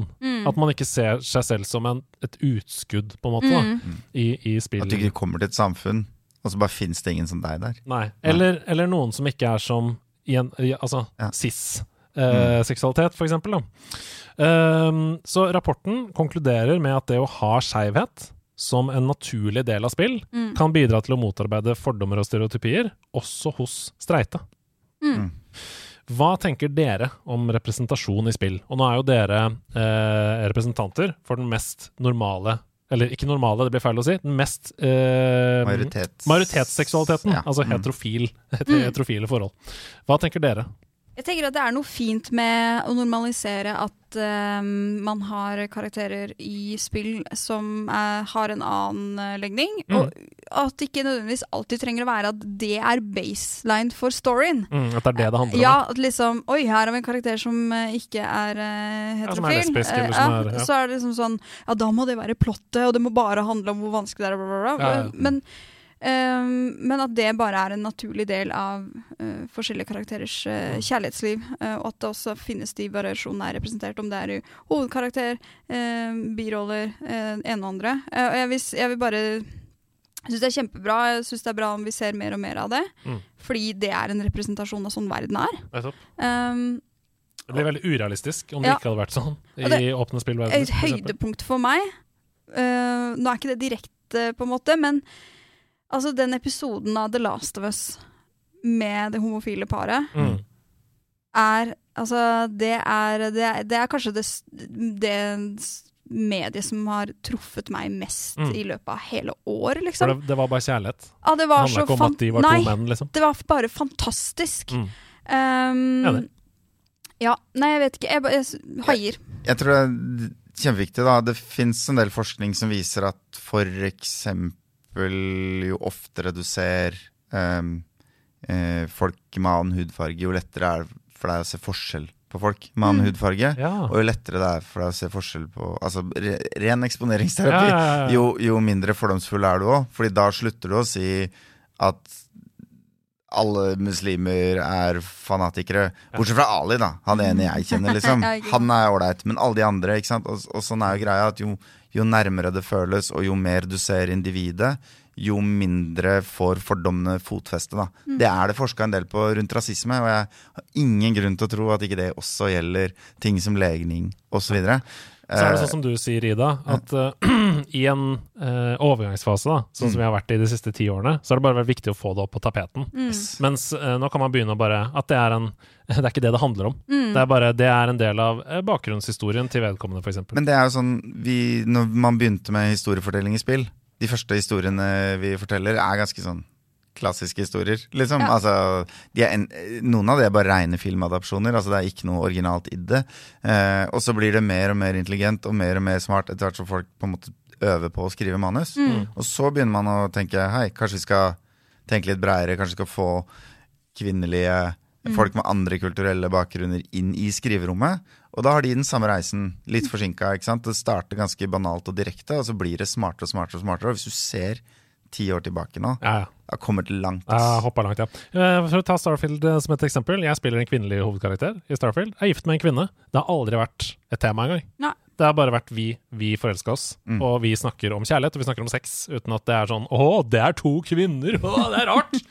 Eh, det er bare De snakker om det som, som alle andre snakker om det. Altså hvis jeg får si det litt sånn personlig så tror jeg det å eh, Jeg kjenner jeg sjøl, og jeg kjenner mange som er på en måte, hva skal jeg si, eh, intellektuelt tolerante. da Mm. Altså at vi har liksom bestemt oss for at vi er ikke rasister, og vi syns det er flott med alle legninger, osv. Mm. osv. Samtidig så har jeg vokst opp i et samfunn hvor all prat om homoseksualitet i skolegården på ungdomsskolen, eksempel, hvis du går hva blir det, 30 år tilbake, Mm. eh, er liksom at mannlig seksualitet er litt ekkelt og sånn. Mm. Og det betyr at uansett om du er intellektuell Med på premisset, Eh, på liksom. premisset og, og sier til deg selv at dette skal jeg akseptere, så kan det godt hende du har en ryggmargsrefleks. At når du ser et bilde av to skjeggete menn som kysser, så, så er første tanken din er likevel Oh shit, det der var litt ekkelt. Ja, det, det var litt ubehagelig. Eller det var litt uvant. Ja, ja. Og det merker jeg at jo mer jeg eksponeres for det, jo mer borte blir den Mm. ryggmargsrefleksen. Så det er ikke bare folk som er straight up hatefulle, som egentlig har gått godt av den eksponeringen. Mm. Dette er noe vi trenger å se. Ikke ja, sant? veldig bra. Veldig bra sagt. Og så bare legge til at uh, vi, må- det er litt som med, med, med likestilling, at uh, vi må ikke liksom hvile på laurbærene selv om ja, vi har kommet langt i Norge, men, uh, og da skal vi liksom bare si oss fornøyd. Det er kjempebra at vi er på vei et sted, men vi må fortsette. Enig. Ryktene var sanne. Nå kommer PlayStation 5 Slim. Den nye versjonen får litt mer lagringsplass med en SSD på 1000 giga mot dagens 825 giga. Den har blitt både smalere og lettere og har USB-C på begge USB-portene i fronten. Ifølge Sony så har den nykommeren mist, eh, mistet 30 i volum, samt fått en vektreduksjon på 18 og 24 målt mot dagens modeller. Men kanskje det mest spennende, sidepanelene er nå todelt, med en blankere topp og en matt bunn, og det betyr at Digital Edition, hvis du kjøper den, kan oppdateres med et diskdrev i ettertid. Dersom du angrer. Ah, Så du kan teste uh, hvordan er det med Digital Edition, og så er det sånn jeg vet hva, jeg vil ha det fysisk. Da kan du kjøpe diskdrevet som ekstra utstyr og sette på uh, den Digital Edition. Det syns jeg uh, Altså, jo mer Vi, vi latterliggjorde dette litt i nederlandslaget da vi hørte ryktene, for vi skjønte ikke helt hvordan det funka. Men når jeg ser det på denne måten, da gir det mening for meg. Um, prisene for de nye versjonene er oppgitt til 550 euro og 450 euro. Det egne diskdrevet er prisa til 120 euro, som vil si at du, da, du taper 20 euro da, Ja. hvis du angrer Mm. på en måte. Norske forhandlere kommer til å få disse nye maskinene en gang på nyåret. Eller før jul, hvis vi er heldige. Jeg Men nyåret. nyåret det kommer er ikke til å bli billigere enn den gamle, eller? Nei, 550 eller 450. Det høres vel ut som dagens Ikke 6000, da? Jo, det høres ut som dagens Mm, priser. De, er det ikke 7 de koster nå? Eller? Euroen er fæl, vet du. Euroen Ja, euroen er fæl, ja. Mm. Stemmer det. Euroen er fæl. Eller krona er, krona er fæl. Det er vel egentlig Krona det det er- handler om. Med neven Krona er svak. Ja, Krona, den er fæl. Nei, vi får se. Jeg tenker at de som har PS5 i dag og trives med det, trenger ikke å kjøpe denne. Men at det er et godt alternativ Jeg- men jeg fikk litt lyst på to USB-C-utganger. Ja, bare jeg for å kunne lade Jeg to også. kontroller på en gang. Men eh, støy uh, tenker jeg er uh, Cirka det, sånn. det er jeg nysgjerrig på. Vi får bare høre. Vi skal til værmeldingen. For en psycho uke. Ja, nå er det crazy. Nå er det Crazy Week. Eh, lagersjefen, det har klikka for lagersjefen. Ja. Uh, I dag, 17. oktober, kommer Sonic Superstars til alle konsoller og PC. Jeg anmeldte anmeldt neste uke. Jeg sa det i stad, jeg sto klokka seks for å begynne å spille det i dag. Uh, 20. oktober, Spiderman 2 til PS5. Da blir det stille med en gang. Uh, Hasse anmelder det. I denne Ja. episoden kommer et, rett etter denne spalten, skal vi høre Hasses anmeldelse. Så nå kan vi få litt på forhånd her. Ja. Mm.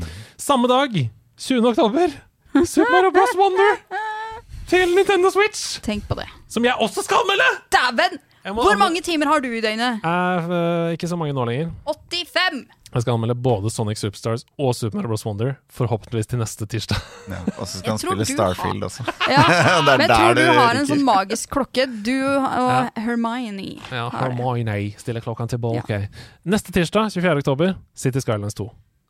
Altså disse fire spillene, Sonic, Spiderman, Mario og City Skylines, på én uke. Jeg vil bare si at Det vilt. ikke forvent en anmeldelse til 24. oktober på Nei, City Skylines. er du gæren, eller? Kommer samme dag? Vi Ja. har ikke fått tidligkode på det. Vi har ikke fått det. Så bare, jeg bare senker for litt forventningene her. Um, ja. men, men du skal anmelde det, så det kommer en eller annen gang i løpet av høsten. Jeg skal spille det. Det kommer i løpet av høsten. Ja. ja, men jeg syns vi må være ærlige Ja. på det. Hvis, hvis du hadde fått det for en måned siden, så hadde det vært noe annet. Ja. Men det er et stort spill, Det er det. så vi tar det når det kommer. Ja, Ja. jeg skal bygge noen rundkjøringer. Eh, håper eh, folk gleder seg. Dra krakken bort til glasset! Mitt navn er Andreas Hedemann, og dette her, det var Nerdenytt. anmeldelse i nerdelandslaget. Yeah! Det er anmeldelsestid. Det er to i denne episoden! DOS! Anmeld oss! Eh, Dos anmeld oss, og først ut er Hasse. Han har anmeldt Spiderman 2. Wohoho! Eh, det blir veldig spennende å høre hva han syns om det. Det kommer her.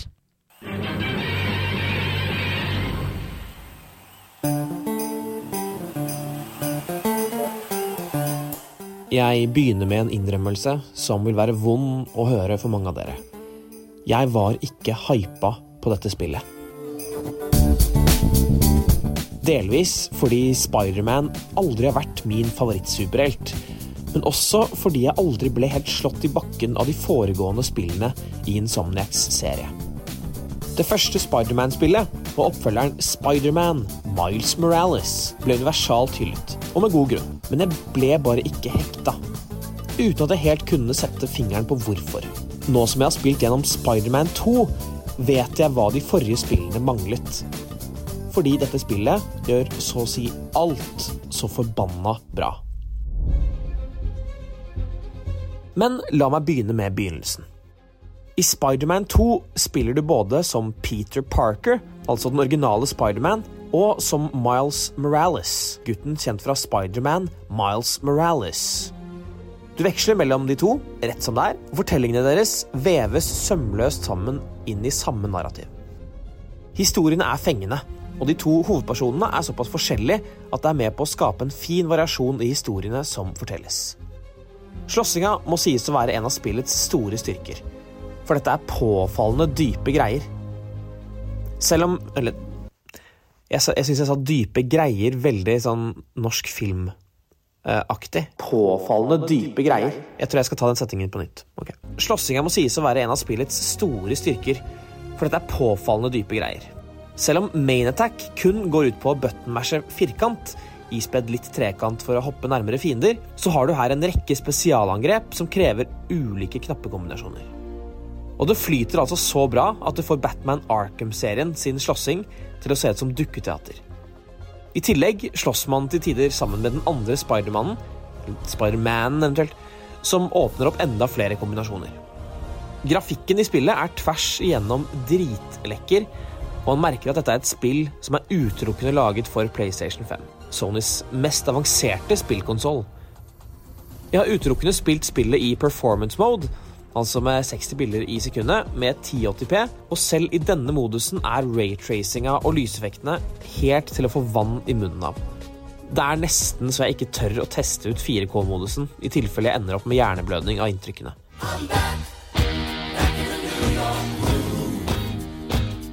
Selve New York har også fått en oppgradering. Det er enda flere bydeler med, trofast gjengitt som alltid, men viktigst av alt så føles byen mye mer som en levende by enn før. Selv om man stort sett befinner seg oppe i luften, er det påfallende hvor mye liv som er på bakkeplan om man skulle bestemme seg for å lande på asfalten og traske litt rundt som et normalt menneske. Så kommer vi til det jeg mener denne serien gjør bedre enn noen annen. Flow, baby! Følelsen av å svinge seg rundt med spindelvev mellom skyskraperne er en av de mest genuine, gledesfylte opplevelsene man kan ha i spill.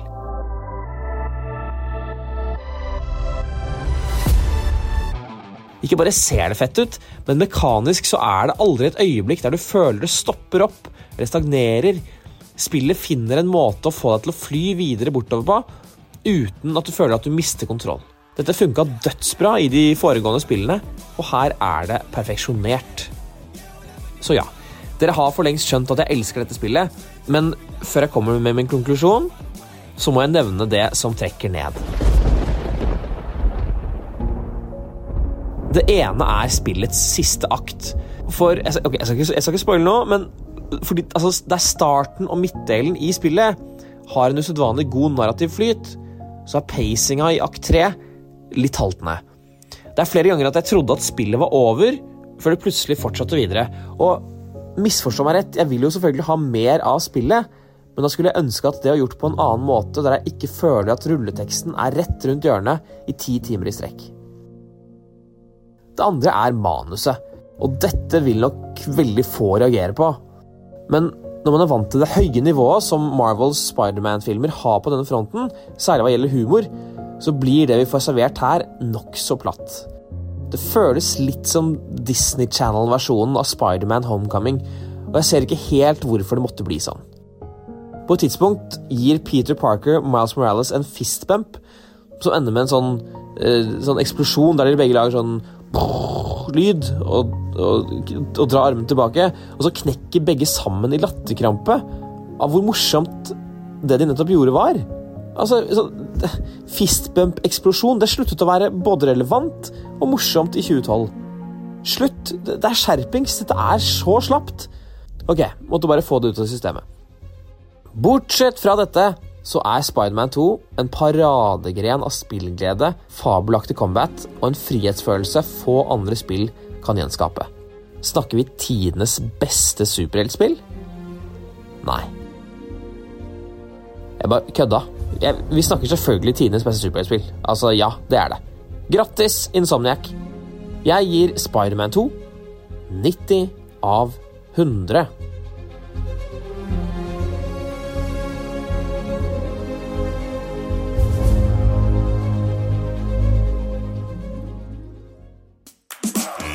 Hjertelig velkommen til Norske spaltenter! Vi er inne i Norske spaltenter, spaltenes spalte, der hvor folk sender inn spalteforslag til oss. Vi tester dem ut hver uke og ender opp på slutten av sesongen med én spalte som vinner årets Norske spaltenter og blir fast i nerdelandslaget Dette er min favorittspalte. Ja, det skjønner jeg, Ja. for det er så høyt nivå Det er så hver uke! Det har vært så gøy hver uke, Ja. og denne uka er intet unntak. Vi skal ta for oss Noah Bernard. Hei til deg! Hello. Klapp til Noah Bernard sin innsendte spalte. Takk for at du har sendt den inn. Vi skal kose oss med den fantastiske spalten Gauntlets of Games! Ja! Gauntlets of Games! Ja! Og som Noah Bernard skriver hvem er den sterkeste spillkarakteren? Her tar jeg opp tre spillebrett som jeg har laget til dere på forhånd. Oi, oi, oi. Det er Eh, med staffasje! det er med staffasje. Her Elsker er det. spillebrett til deg, Erling. Eh, Her er spillebrett til deg, eh, Ida. Og her er spillebrett til meg. Her er penner. Vær så god. Og dette må gå unna. Ja. Den delte seg i to. Uff da. Uh, Noah Bernard skriver Hvem er den sterkeste spillkarakteren? Jeg har laget en turnering med 16 av spillhistoriens aller største karakterer. Jeg holder den opp foran kamera på Twitch her nå. God. som skal gå head to head mot hverandre. Der vi til slutt skal stå igjen med en karakter som er den ultimate spillkarakteren. Dette er som en slags e-sport, bare på papir. Det vi holder på nå. Jeg har ødelagt pennen til ja, det går bra. eh, Erling. Jeg løser det på et vis. Eh, og jeg har delt ut det oppsettet for turneringen til dere, og dere skal ikke fylle inn, for vi skal Oi. diskutere. Okay. Det eneste jeg har gjort, det er å skrive inn disse 16 karakterene i en tournament generator, som da har satt opp tilfeldige dueller for oss mellom eh, de karakterene. Så skal vi diskutere oss gjennom duell eh, mot duell, og bli enige om hvilken karakter som skal gå videre til neste runde, og til slutt vinne finalen i Gauntlet of Games. Og én ting jeg vil si før vi begynner, dette er en skikkelig god idé til en livespalte. Ja, det er, dette er bra. Tenk å ha det på storskjerm, Ja, og så er det ja, ja. sånn Hvem vil ha Mario? Hvem vil ha Rayman? Oi, ok, Rayman går Vi gjorde jo nesten det på Tiltkast, bare Ja. at vi kåra den ondeste personen i dataspill. Vi må begynne. Eh, Det er altså åtte dueller vi skal avgjøre med en gang her. Ja. Hvem syns dere skal gå videre når vi setter Mario opp mot Rayman? Kan jeg bare, Er det rett hvem banker hvem? Jeg vet ikke. Det er litt opp til Eller hvem liker vi best? Jeg vet ikke. Nei, jeg Oi. tror, Hvem er den sterkeste? Da, men da må vi ta på en måte superheltkrefter i, Ja, inn i bildet. sånn-. Jeg tenker hvem vi hadde grusa den andre. Hvem hadde grusa den andre? Mm. La oss Ja. sette det som Ja. uh, greit. Mario. Da Mario. Jeg sikker. føler han er mer kompakt. Ja, men Rayman har mye mer uh, lengde. Altså, han, kan, Ja. han kan jo lade opp slagene sine. Jo, men jeg føler at han er kan han jo så sende Han kan jo skyte sånne lys... Pjum. Ildkuler. Ja. Mario. Sånne lyskuler. Ja, jeg Nei, nei uh, Rayman? Jo, men ikke sant? Mario kan bli til en katt og en elefant og en frosk og en støvel. Jeg tenker at det er veldig likt her, at vi må til ekstraomganger mellom. Mario og Rayman. Skeis. Men da Hvem vinner i ekstraomgangene? Hvem har mest stamina? Mina? Ja, men du, vi kan Ok, hvem Ja. sier uh, Mario? Ja, men Er det med sopp og alt, liksom? Ja, det må vi si. Ja, Det er med alle muligheter. sopp og Ja, jeg er enig, da vinner Mario. Han, han, gjør- har for mye å spille på. Jeg føler at. Rayman er sånn hvis du okay, slår litt hardt, så faller han bakover. Ja, Mario går videre. Er Eh. Crash Bandicoot mot Kratos. Der er vi vel på Kratos, er vi ikke det? Det er vanskelig å slå en gud. Ja. uh, Ja, for det er noe når han blir i planetknusemodus, holdt jeg på å si. Ja. Så, Ja. ja. samtidig, Crash Bandicoot, hvis han får med Han er jo invincible da, med maske. Ah. Uga, uga. Men bare ett slag. Det er sant. Ja, vi, Han må, får fire slag, og så er han vi må sende Kratos videre. Ja. Lara Croft og Spyro. Hvem vinner av Spyro the Dragon og Lara Croft? Fordi Er Hm? Jo, men altså, Spyro er på en måte den straight up sterkeste. Spørsmålet er om ikke Lara Croft kan unngå å bli truffet, da. Ja. Og da vinner hun jo. For Og så er hun har jo Hun har gunner og sånn. Maskingevær mot flammer, liksom? Ja, Ja, jeg ser jo for meg at det å, å, å slags eh, defeate en drage eh, kunne vært en del av eh, en Ja. Lara Croft. eh. Jeg tror Lara tar det, altså. Ja, Spyro er en boss i Tomb Raider 3000, hun. Ja, det er sant. Det er sant. Ok. Lara går videre til neste. Ja. Uh, da har vi Pac-Man mot Geralt of Rivia. Det her er det ukjent. Vi, vet vi noe om styrken til Pacman? Nei, han dør i nærhet av et spøkelse. Han er, er han basically uvinnelig hvis han spiser ett kirsebær, men han dreper ikke fiendene sine. Han bare sender de i fengsel, Ja. og så kommer de tilbake. Så spørsmålet er om Pacman er i stand til å avslutte Geralt. Jeg tror Pacman får første slaget, liksom. Ja, det tror jeg også. Waga, waga. Det er sjukt å få den mot deg, da. Waga, waga, hvis Pac-Man er Så Ja. du står i hvilken sverdstance du bare vil. Ass. Bare, Ja, og så er du borte. Men hva skjer da? Blir da Geralt bare jeg tror opp teleportert innsida. opp i et tre, og så kommer han tilbake? Det som er greit, Vi vet jo ikke hva som egentlig kan drepe Pac-Man. Det eneste vi vet, er at han dør av spøkelser. Kan noe annet drepe Pac-Man? Eller er han udødelig mot alt annet? Da, men hvis, hvis det er premisset, så vil jo Pacman vinne hele Ja, det greia, sant, mindre det er det er et spøkelse Det er involvert. sant. Eh, eller? Jeg føler det Jeg litt. føler litt på Ja, at ja, han, Jeg han blir spist, men han, Han skjærer seg slicer ut. opp Pacman fra innsida og bare Neste duell, Pikachu mot Agent 47. Altså Pikachu mot Hitman. Pikachu har jo ikke hals. Nei, men Pikachu har jo ikke hals, så han klarer ikke å kvele han med pianovaieren sin, og dermed vinner Pikachu. Ja, jeg Ja, tror også jeg det. tror Pikachu, Ferdig, eh, Sorry. Uh, men, men Agent 47 kan jo snike seg innpå, da. Men Ja, men Pikachu da, super senses. da får han jo bare støt. Ja, det er sant. Ja. Pikachu vinner mot uh, Hitman. Link og Solid Snake. Den nå er vel ganske grei. Nei, den, du tenker Link med en gang? Nei, jeg tenker Solid Snake. Ja. Ja. Link er jo Hvor mange ganger dør ikke Link, da? Han dør sant. jo hele tida. Og i starten ja, Det er for mye lyd mot den. ja. Ja, det, det er ingen som lurer på hvor Link er. Solid Snake. Du hører Ja. bare Ei! fra inni en pappeske. Liksom. Solid Snake tar det. Eh, det betyr at vi er inne på de to siste duellene i runde én. Mm. Sonic mot Nathan Drake. Sonic the Hedgehog mot Nathan Drake fra Uncharted. Må ikke det bli Sonica? Jo. Han liksom spinner, og så skyter av gårde. Ja, Nå, tenk, nå baserer jeg litt meg på Sonic i Smash, hvis du skjønner hva jeg mener. ja vi har den, men det er litt det samme som eh, Lara Croft mot eh, Spyro. da Altså det, Nathan har jo Mm. gunnere, men Sonic er så rask. Du treffer Ja. ikke Sonic. Nei, du treffer ikke Sonic. Han løper med lydens hastighet, gjør han ikke det? Det er fortere enn en pistolkule. Enig. Siste duell. Master Chief fra Halo mot Ellie fra The Last of Us. Hva tenker du her, Rita? Master Chief fra Halo da, da, da, da, mot Ellie. No, no, no. Jeg tror nok eh, i en eh, eh, Ellie, du er sykt kul, men det er vel få hun kan ta ut, er det ikke det? Jeg, i jeg heier på Ellie, men Master Chief er en halv meter høyere enn en gjennomsnittlig mann. Han falt ned fra månen og Ja. landa på bakken og overlevde, reiste seg inn. Ja. Og har en armor, liksom. Ja, altså, drakta. Ellie, du er god til å overleve i Mm. en postapokalyptisk verden. Mm. Mot høyteknologisk sci-fi Ja. blir vanskelig. ja, det blir vanskelig. Master Chief tar det. Og da er vi i kvartfinalen! Woo! Som betyr okay. at vi har Mario mot Kratos. Mario mot Kratos. Ja, her tenker jeg Nei, jeg tenker Mario må gå, jeg. Tenker du det? Ja. Jeg, jeg følte med en gang sånn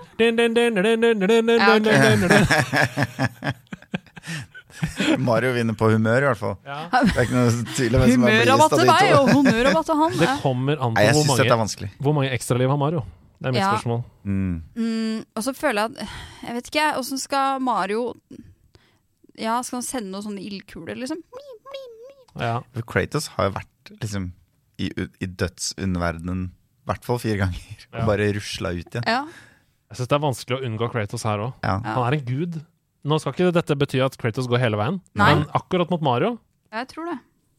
En rørlegger fra Brooklyn, liksom. Ja, Mm. han har mye power-ups. Men han er en rørlegger av gummi fra Brooklyn, Ja, på en måte. Eh, Men jeg, jeg tror kanskje Kratos så vidt tar det. Vi tar Kratos i semifinalen. Mm. Der skal han møte enten Lara Croft eller Geralt. Hvem Mm. vinner av Lara Croft og Geralt of Rivia? Ja, hvem tror dere hadde vunnet en fight der? Jeg tror liksom Kan Jeg den tror- magien til Gerald som blokker liksom slag og sånn, blokke kuler Hadde ikke Gerald blitt skutt, da? Nei, Men hvis han bare kan vifte med fingra Ja. sine, og så blir det sånn Ja, skjold det er foran han, så er han Han jo er jo magisk, ja. Det er vanskelig. Det er vanskelig selv om Vi skulle gjerne er hatt en kvinne Vi skulle gjerne hatt en kvinnelig representant i semifinalen. Uh, men uh, det er noe med hvordan du er designa, Lara. Ja. Jeg tror ikke Ja. du har muligheten til å slå Gerald, altså. Med mindre Nei, for Gerald blir ikke så veldig lett seduced heller, Nei. av de trekantpuppene hennes. Nei, jeg tror ikke det. Jeg tror i hvert fall ikke han lar seg Det er mye sexy i The Witcher, men det er på en måte bare en Ja, men det betyr jo bare at hun har ikke noe å by på som man ikke allerede har Nei. sett. Godt poeng. Mm. Gerald går til semifinalen. Fy the Witcher. søren for en semifinale vi skal ha mellom Kratos og Gerald etterpå. Men Mm. først Pikachu mot Solid Snake. Pikachu. Jeg sender Pikachu videre. Jeg er veldig der, altså. Jeg, jeg er faktisk litt enig, for det er liksom Tenk at Pikachu går på sin andre Jeg- snikeduell. Tro- Jeg tror at Pikachu kanskje vinner hele driten. Nei, men ja, Hvis du tenker litt på det altså, Når du ser Pikachu hva, Han er jo døden nær med jevn mellomrom Ja, i er. Pokémon-serien. Er På jævlig mye ting Han tar et Et, et, et bazooka-skudd, han, og ligger der og ser litt sånn skitten ut, og så bare sier noen 'kom igjen, du kan gjøre det', Ja. og så reiser han seg, og da er ikke Solid Snake i stealth lenger. Nei. Og så må vi forholde oss til det samme som vi sa med Hitman. Ja. Hvis Solid Snake prøver å snike seg inn, så blir han han Mm. Ja. har vi om Hitman. Mm. Så da Ja, så, og liksom hvis, du, hvis han kan ta en granat, så er hevnen der. Ja. Et lyn bare rett ned, liksom. Thunderbolt. Sorry, Snake. It's over. Uh, Sonic mot Master Chief. Samme om du er fra space, altså. Hvis du, du klarer ikke å unngå den speeden der. Han har en Mm. tung rustning. Sonic Men tåler rustningen hans Sonic? Å bli hoppa på. Altså pigger, ja. Ja, for det Ja, er jo Sonic, Sonic eneste har jo litt sånn sagbladaktig opplegg. ja. Men spørsmålet er Er de liksom diamantskarpe, Skjærer eller er de liksom liksom jernskarpe? Vet du hva? Det tror jeg ikke. Jeg tror ikke de, For han, Sonic dør jo av pigger. Altså Hvis Sonic faller på pigger som er på bakken, så hjelper ikke hans eh, Speed. Nei, eller um, eh, rustning Altså, Eller Jo, men det er jo fordi da er han åpen, ikke sant? Eller ja, men han, selv ja, om han er i ball, så Ja, får han så- ja, Jeg tror Masterskift har Sonic. Vi sender Master Chief all right. Vi må nesten gjøre det. Mm. Da er det semifinale én. Kratos mot Geralt. Ai, ai, ai, ai, ai. Eh, Kratos, en gud mot Geralt. En slags annen gud med overnaturlige evner, på en måte. Han tar i hvert fall jævlig mye juling før Ja. han ryker, men det gjør faen meg Kratos. Toss a coin, og så videre. Mm. Mm. Mhm. Jeg- jeg- Man vinner ikke bare fordi man har en fengende sang knytta til seg heller, kanskje. Um, Ha, Kratos, vil dere si at han har Kan noe form for Kratos vinner, men at alle tror Geralt vant, fordi historien om han i ettertid ble sunget av uh, Det er sant. Det kan også hende at Geralt bare forsvinner Mm. på en eller annen måte. Sånn at det blir bare walkover. Fordi Gerald Han han- gidder ikke. Han tapte ikke, Nei. men han var ikke der, på en måte. Nei, det er bare vanskelig å hvem har vi sett liksom banke Kratos, da? Odin, liksom? Ja. ja, det er sant. Kratos han ja, kan, kan jo dø. Han dør jo rett som det er, både i 2018 og Ja, Ragnarok. det- Ja. Altså når du Og som har du da tapt, eller er det sånn at han da kommer tilbake, og så er han fortsatt med i kampen? Ja, Det ville i så fall vært det samme med Gerald, da. Ja. mm. Ehm, jeg, jeg ser for meg at eh, magien til Gerald er den sterkere enn magien til Kratos. En raseri til Kratos? Her kjenner jeg helt blank. Jeg må bare si Kratos har for mye range også. Jeg tror Kratos vinner Ja. med, med de der Hellbladesene sine som han Jeg er litt enig, fordi hvis du ser den kampen han har mot The Thor i eh, God of War, så, er, så får han masse juling, og så blir han sinna, og så er det bare et helt annet nivå. La oss si at Kratos går videre, men i denne duellen er det verken vinnere eller tapere. Nei. Mm. Men det er en som er sterkest. Det er bare tapere, tror Bare jeg egentlig. tapere. Ja. Pikachu og Master Chief tåler Master Chief sin armor strøm. Ja, og hvis den ikke gjør det, mister han Altså, for er det et visir, eller er det en skjerm? Ja. Hvis det er en skjerm, og har Pikachu kortslutter den, så er han blind. Ah, det er godt poeng! Mm. Det er en slags robot-AI-ting her, som strømmen kan kortslutte. Ja. Ja. Jeg tenker vi sender Jeg tror vi skal Oi, jeg ser hvor dette går hen. Pikachu Kratos. Pikachu mot Kratos. Ok, Pikachu tar ut Master Ja. Chief. Men, En liten mus mot en gud i finalen. men Her kan vi jo, du sa eh, Jeg, jeg er ikke så Men Kratos har jo battla Thor før, har han ikke det? Mm. God Oi! of Thunder. Og det er kanskje der vi finner svakheten. taper mot lynet til Thor. Taper altså Kratos mot Pikachu sin Thundershock. Ja, fordi Pikachu har jo også sånn der eh, Igjen, nå baserer jeg meg litt på Smash, da. Men han har sånne små sånn teleporteringsgreier. Mm. Ja, men han har, Som kanskje han, er det han trenger for å, å dodge disse Hellblades-tingene til Kratos. Ja, for han har jo det eh, Hva er det heter for noe? Noe sånn uh, um, shock tackle, eller hva det heter for noe. ja, ja. ja. Ja, eh, Pika Thunder! ja. Vet du hva? Basert på at Kratos tapte mot guden av lyn, så må vi nesten si at Pikachu er vinneren. Ja, kanskje det. Det blir i hvert fall en høst, heftig duell. Vi aner ikke hvem. Vi har kåret uh, Gauntlet of Games. 16 karakterer har blitt til én, og Pikachu har slått dem alle. Lille, søte, Gratulerer, din lille mus! Oh,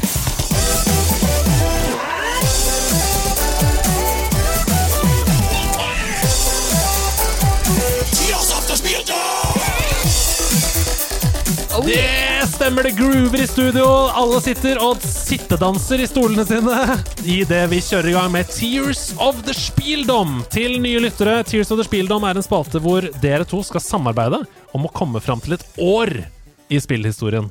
Hvilket år er det jeg er på jakt etter? Og det begynner veldig vanskelig. Det begynner Ja. veldig vanskelig for tre poeng på første hint. Og så får man litt, eh, kommer man litt nærmere med to poengs hint, og til slutt så skal det være greit med ett poengs. Greia er, Vi må ikke låse svaret før vi er supersikre. for det kan dere nemlig Ja. gjøre Hvis dere tipper etter tre poeng, da har dere låst svaret og får oh, ikke tippe mer. Ja. Så her er det risk reward. Ja. Uh, Og det å ikke klare det er selvfølgelig Det er jo krise. Det er det da aller taper verste. vi Det er det aller hus verste. og la meg si det sånn. Ja. Det er. Ja. Du har vært med nå en hel sesong hittil i Tears of Spillom. Du har to poeng. Men, Jeg har vært med en hel sesong. Jeg har to poeng. ja. Det er, det er vanskelig å få poeng Men jeg vil bare si en ting, og det er at egentlig i disse konkurransene så burde vi legge inn at man får ett poeng for å avholde, Ja. Ok. tenker jeg. Ja, godt poeng. Eh, Mm. Anyways, det er for seint. Vi har holdt på en halv sesong. Ja. Vi tar det med til neste neste runde. Vi skal til første hint. Husk at vi har Vi skal fram til et årstall. Dette er et hint, eh, et musikalsk hint, som dere skal høre på. Diskuter dere imellom hva dere hører her. Eh, vi skal få høre hele lydfilen i sin helhet før vi begynner samtalen.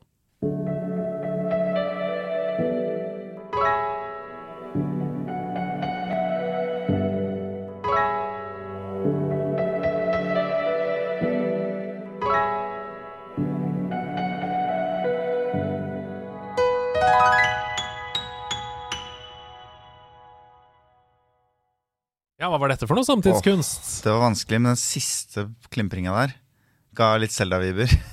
På en eller annen måte. Men det er jo Nei, jeg vet faen. Jeg er ganske låst, Hva er det vi hører her? Åh, Jeg kan, uh, dere ser ut som to enorme spørsmålstegn, Ja. så jeg kan si såpass mye som at dette er to spill ja. som er mikset sammen til én mashup. Riktig. Er, har du gjort noe med lydkvaliteten? Nei. Er det lov å si? Nei. Det er ikke gjort noe med Så vi lydkvaliteten. kan få det er, vi, er, vi, skal, vi er ikke i 8-bitens land. Nei.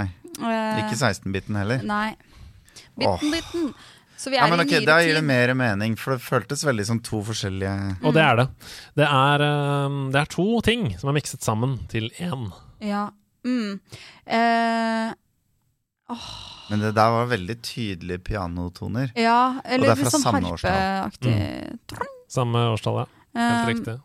Jeg, jeg har ikke noe å gå Jeg har ikke Jeg klarer ikke å Kan vi bare høre, Jeg trenger ikke høre hele, bare sånn litt. Du kan få høre litt litt til.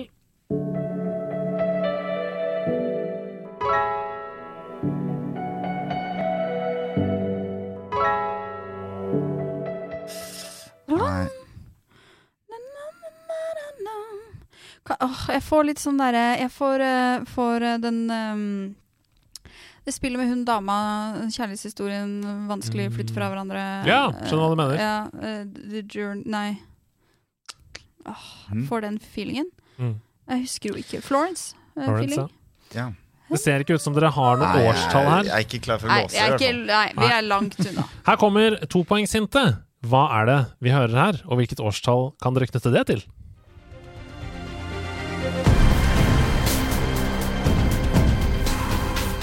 Dette er PubG. Nei.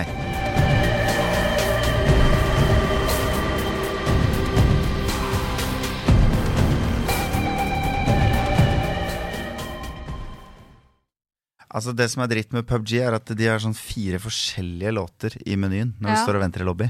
Altså, det her, jeg, er, jeg er helt lost, jeg. Du hadde Her- nok eh, hatt mer hjelp hvis den originale programlederen Ja, ok, hadde sittet Ja, For det var noe, kanskje noe Final Fantasy-aktig i det første hintet, nei, nei, nei. Nei? Nei, Ok, ja. men er OK. Mm. Det være noe sånn Apex Legends, eller er, det noe, er det noe uh... Ja, det, var, det var veldig lobbymusikk, ass. Ja. Um,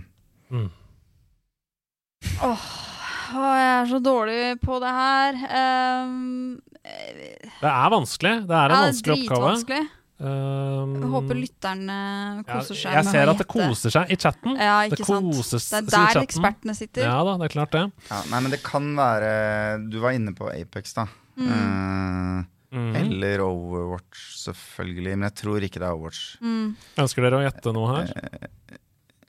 Det, er, det, er, det var noe verdensrom-vib på slutten der òg, Ja, ikke sant? Og det matcher Apex ganske greit. Ja, det er, det er vi, Jeg føler at vi For så tenkte jeg sånn her Er vi i um, eh, Liksom ja, ja, nei, det er, det er litt sånn verdensrommestemning. Det er ikke noe Halo eller noe et eller annet. Vil dere låse et årstall, eller Nei. vil dere ha ettpoengshintet? jeg, jeg, jeg husker ikke når. Apex kom ut engang. Nei, jeg trenger, et, jeg trenger det. Her kommer ettpoengshintet. Det dere hørte i den aller første oppgaven, Mm. det var en mashup mellom Disco Elysium, okay.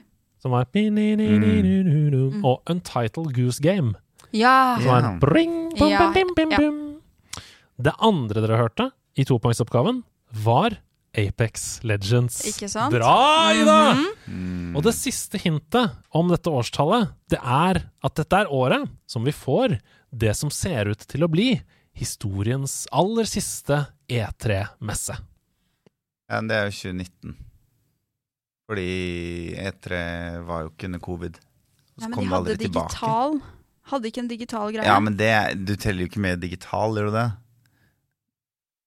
Altså Jeg er litt usikker på om vi gjør det. ja, Hvis det er fysiske messer, i hvert fall, Ja, så er det ikke noe etter covid. nei. Er det øhm, Åh, men jeg husker jo Jo, Men vet du hva? Jeg, Goose Game ut? 2019. 2019. Det er også kommet Fordi- før ja. covid, ikke sant?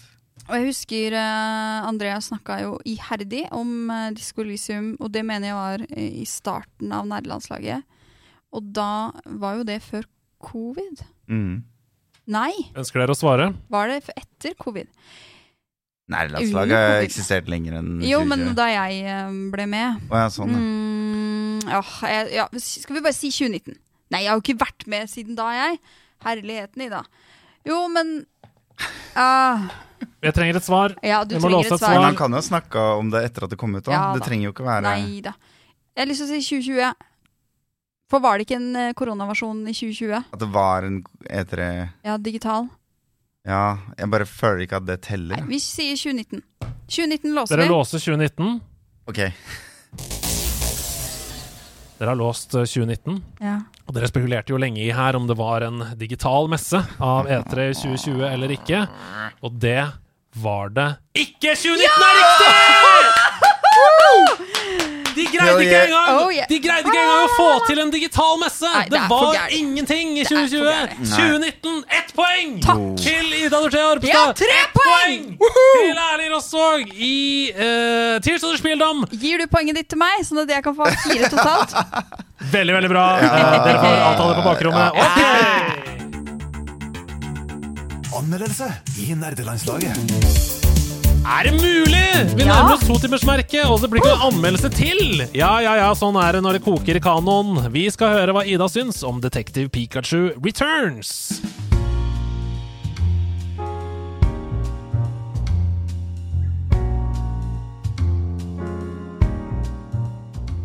Det som nå følger, er en anmeldelse av spillet Detective Pikachu Returns. For vår alles lille pelskling Pikachu er tilbake på nye eventyr, for både han og vi har fått et kall, et kall om å løse de største mysteriene i Rhyme City. Vi får også være med Team Goodman og hans Pikachu, nemlig detektivutgaven av denne Pokémon, på reisen fra mysteriet til løsning.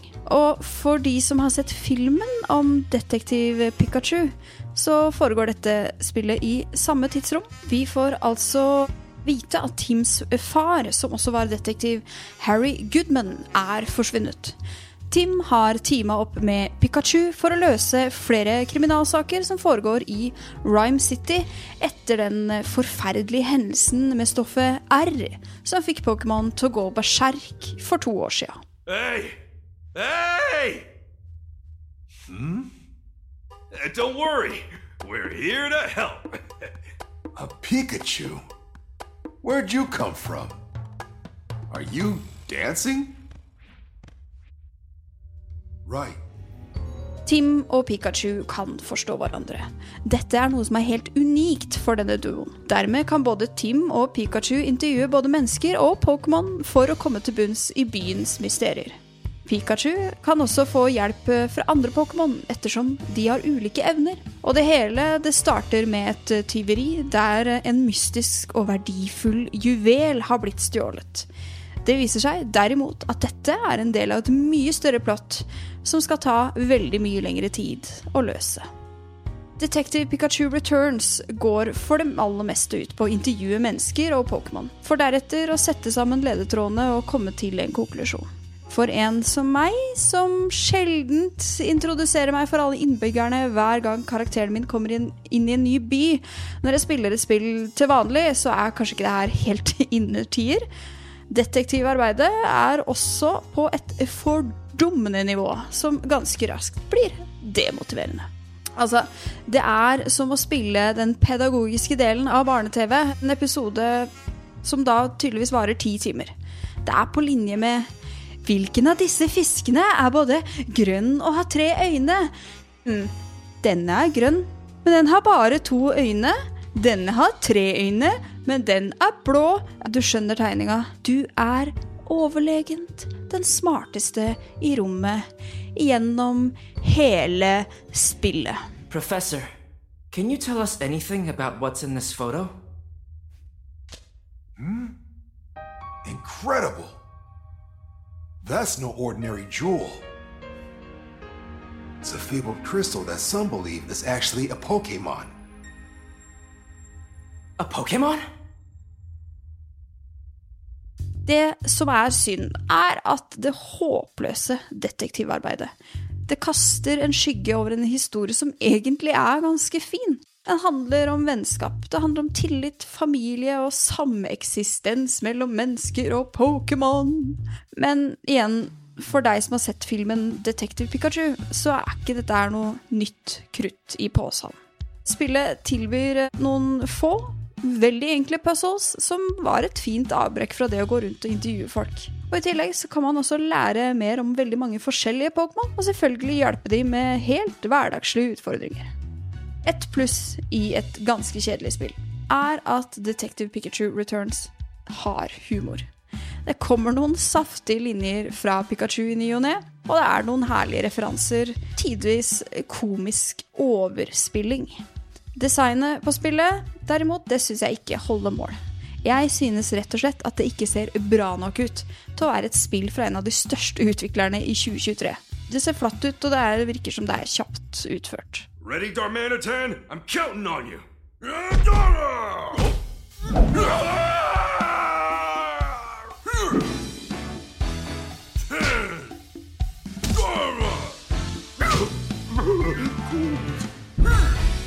Now we're talking.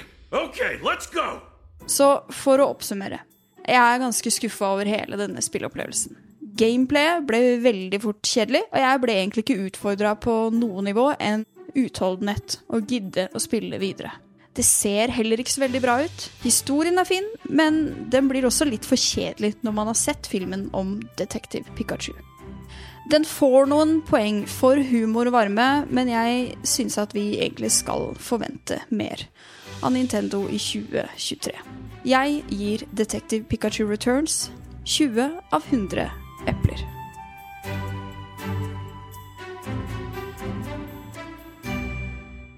Ja, dette var juicy! Dette er uh... Holy crap Rooney! Ja.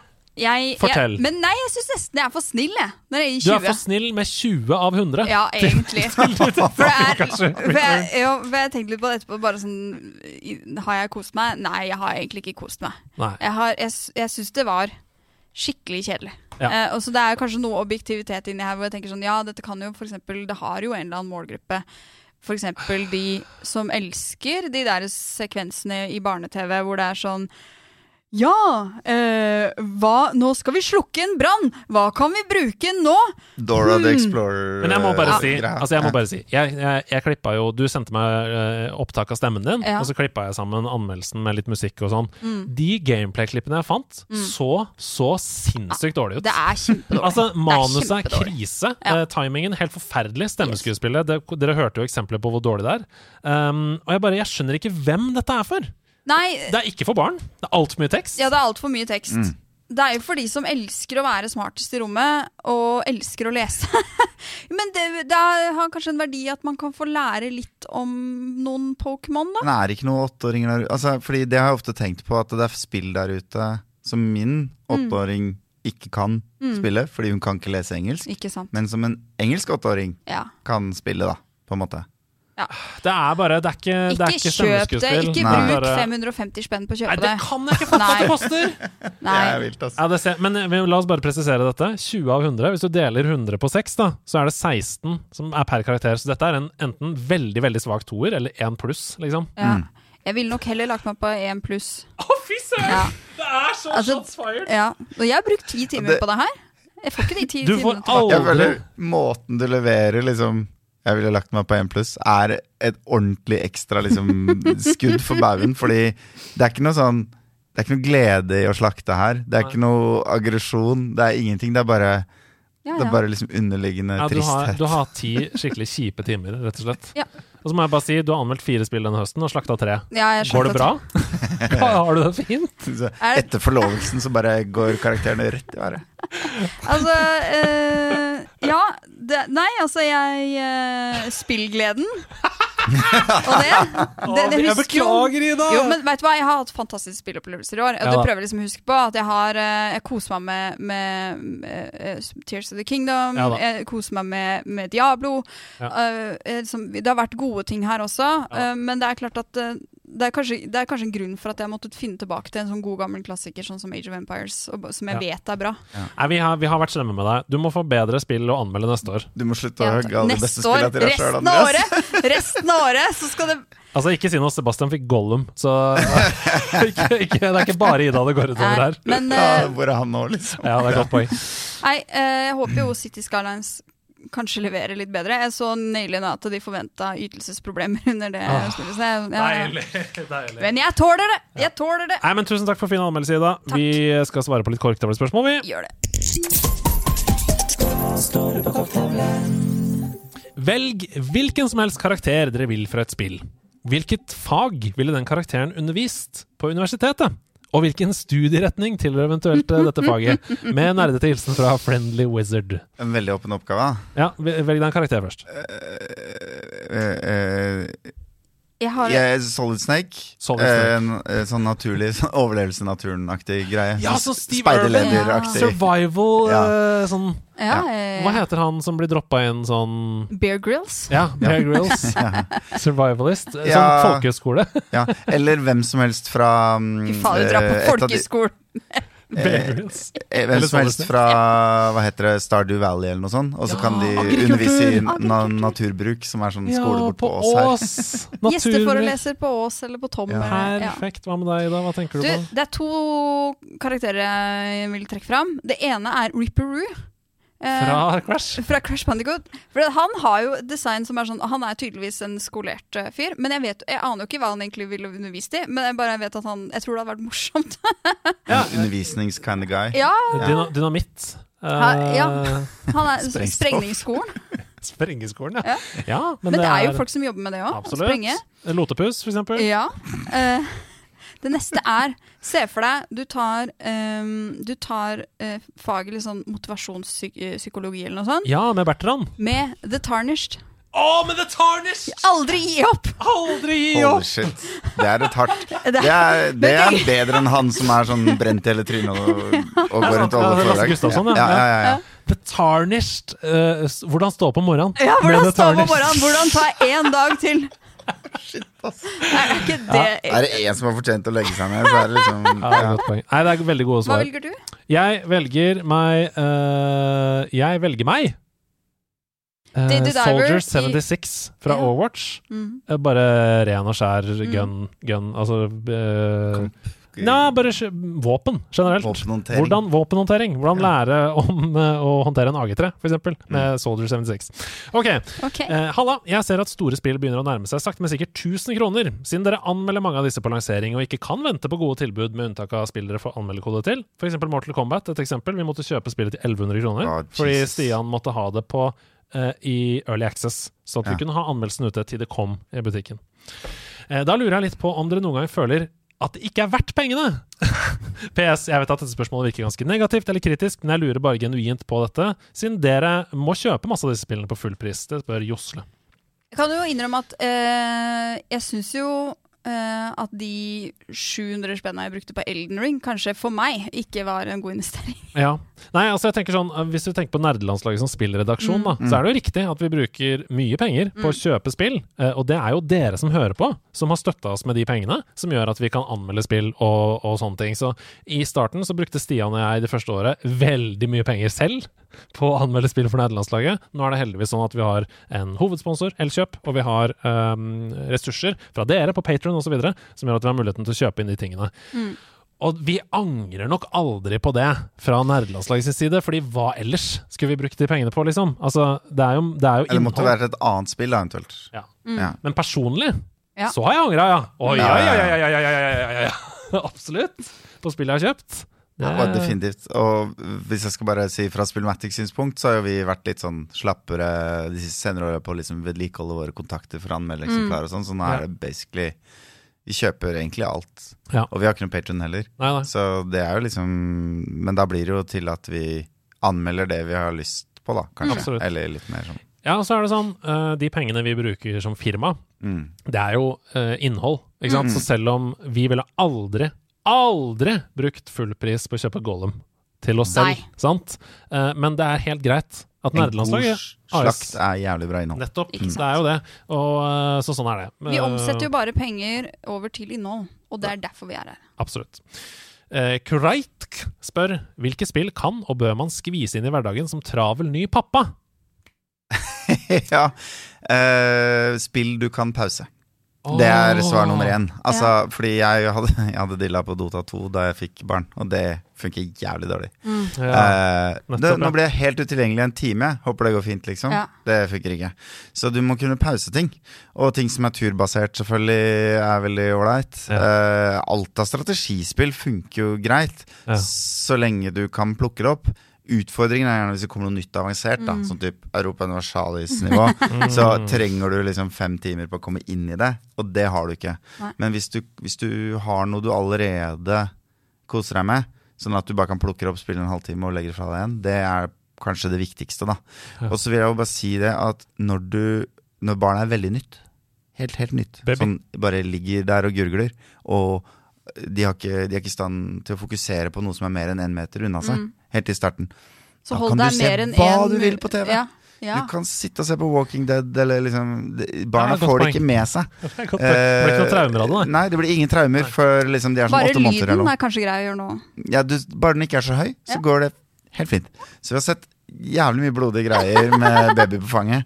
Uh, bare Ja, husk skal å bare stoppe i sitte med tide. babyen hjemme, og så skal vi se litt på Squid Game. Eh, Ja. Ja, det, er, det er Men det gode tips. Spill man kan pause. Mobilspill kanskje òg, da. Du, du nevnte et par av dem i stad. At uh, man kan ha én hånd fri, liksom. Ja. Um, helt til slutt. Spiller det noen rolle økonomisk for nederlandslaget om vi ser på på Twitch eller hører på podkast, og hvilken podkast-app vi bruker? Uh, by the way, det er helt ok om dere ikke er komfortable med å snakke om dette, spør Gunsdatter. Ikke noe problem! Vi snakker gjerne om dette, eh, Mm. Det er jo uh, vår uh, hva skal jeg si, overlevelse vi snakker om. Eh, svaret er både ja og nei. At dere ser på oss på Twitch er fint, for vi får jo noen reklameinntekter. De er veldig små. Eh, så direktestøtte er alltid det beste. Hvis man subber til oss på Twitch, så får vi 50% av inntektene. Det er ganske syk cut som Twitch tar, halvparten. Um, Patrion er den beste måten å støtte på. Uh, Patrion tar 4 Mm. Det er veldig bra. Men uh, så 96% av pengene går til nederlandslaget AS. Noe å Spørsmålet gikk jo litt på reklameinntekter på pod og sånn. Ja. Eh, ja. hm? Nei, har det noe å si om man lytter på Spotify eller Apple eller Nei da, det har ikke noe å si. Uh, inntektene våre på reklame i podkasten går via Acast uansett, og de sprer det rund baut over både samme hva du hører på, eh, hvilken podcast-app du hører på. Så det er samme. Eh, men det er klart, en helt vanlig episode som ikke inneholder reklame, da er det nok De- ja, altså, bare, bare samme det. Se på det der du vil. Ja, og, og forskjellene på det å streame noe på Spotify versus uh, Altså som, ja, som musiker, da. Ja. Altså cutten du får er så knatt liten Ja, ja. Altså, at, inntektene det, til nederlandslaget kommer ikke derfra uansett, så bare gjør det du vil. det er hyggelig at dere bare Ja. lytter og, er med. Ja, sorry. Det var ikke meningen å avbryte. Nei. Nei, jeg bare lurer på sånn de, Dere har noen sånne sponsorer og partnere og sånn? Mm. Sånn som Elkjøp og Henning Olsen og Kims og sånn. Ja. Og de, de tallene de får, er bare summen av alt. Så Ja. det har ikke noe å si hvor du lytter. Nei da. Så bare gjør det du vil, kjære lytter. Det går bra uansett. Men som sagt, å støtte oss på Patron eller å kjøpe merch på nederlandslaget.no er jo den beste måten. Da går jo hovedmajoriteten av inntektene direkte til oss. Tusen takk for at dere hører på uansett. Vi skal avslutte denne ukas episode av Nederlandslaget med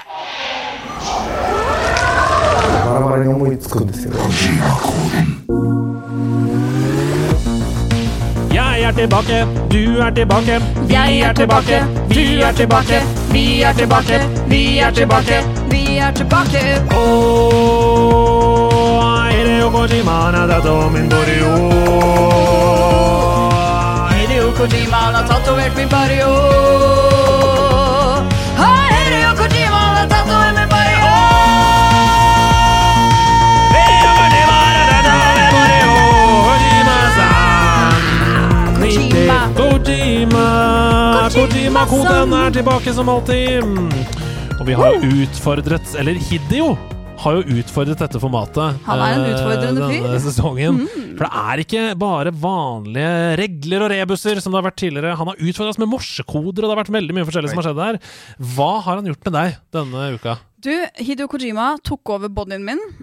Eh, Fortsatt men- ubehagelig, eller? Ja, det er litt rart. Jeg blir liksom aldri vant til det. Nei. Eh, men det gjør ikke vondt lenger, Nei, så det er jo å komme et ja, stykke på veien. Det er ikke metoo-landskap? Liksom. er ikke i det hele tatt. Metoo er det. Uh, men denne gangen så hadde han med seg en gjest. Oi! Som også tok over kanskje mest min body. da Jeg vet ikke om han er vikar for Kojima eller noe sånt. Kojima-vikar. Ja, nemlig Kristoffer Pale, eller Toffe. Toffe? Ja, ja, ja, ja, ja. Har Kristoffer Pale tatt over din body? Ja, han har gjort det. Wow! for de som eh, altså, hver, Tidligere filmanmelder i Dagbladet. Jeg skulle til å si det. En del av Dagbladets ikke-eksisterende kulturredaksjon. Wow! eh, For hver søndag eh, Altså, søndager har for meg blitt eh, ukas høydepunkt på en ny måte etter at uh, Hasse og Toffes søndagsquiz Fantastisk. eh, Hyggelig å høre. Uh, ja, altså det er Kjempegøy å lage. Det er sånn hver søndag bare åh, det er søndag. Og da er det fordi det er Hasse Toffes søndagsquiz. Ah, perfekt. Det er. Eh, og denne gangen så var det um, Toffe som tok over bodyen min, uh, og har nå laget en rebus. Åh, Kristoffer Pales rebus!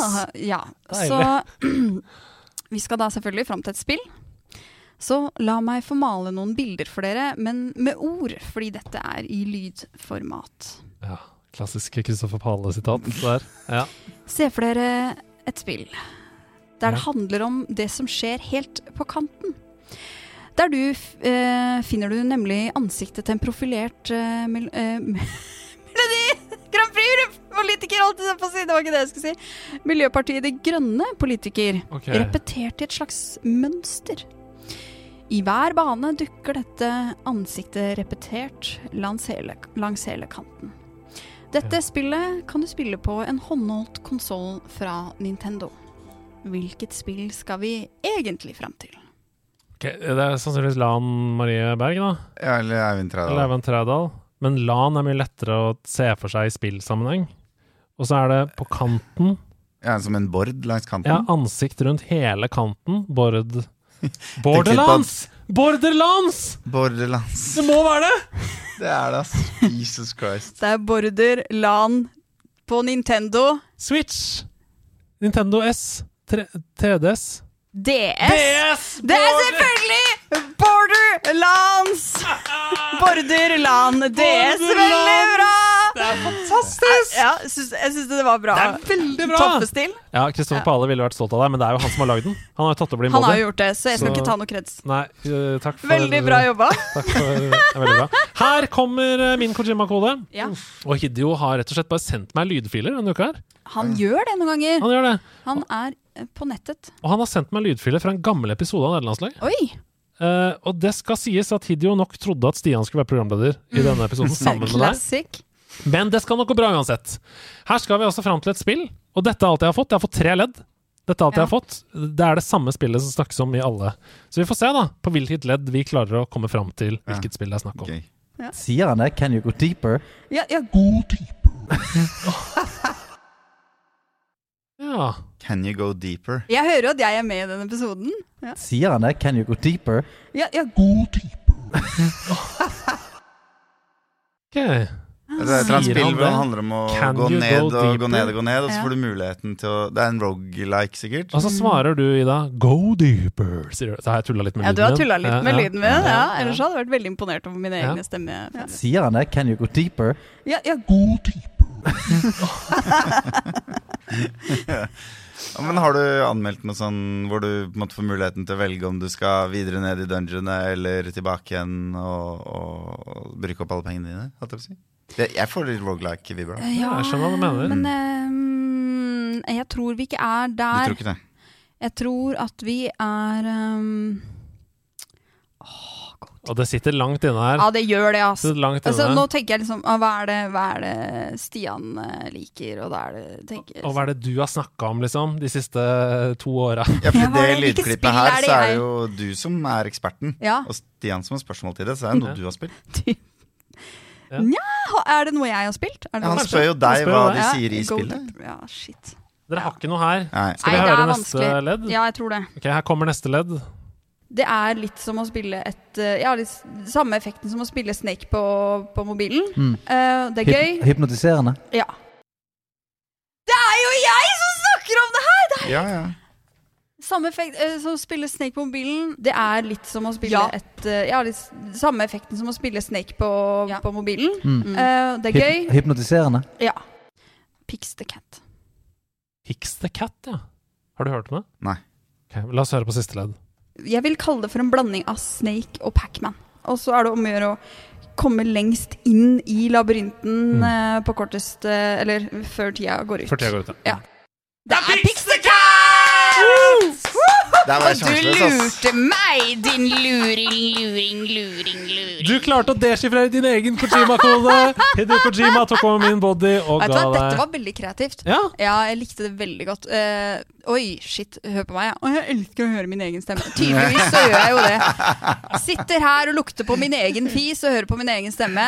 Deilig. Helt perfekt. Pix the Cat var svaret. Vi har kommet til veis ende. Nok en uke i Nerdelandslaget. Tusen hjertelig takk for fantastisk Ja. eh, innhopp, Erling.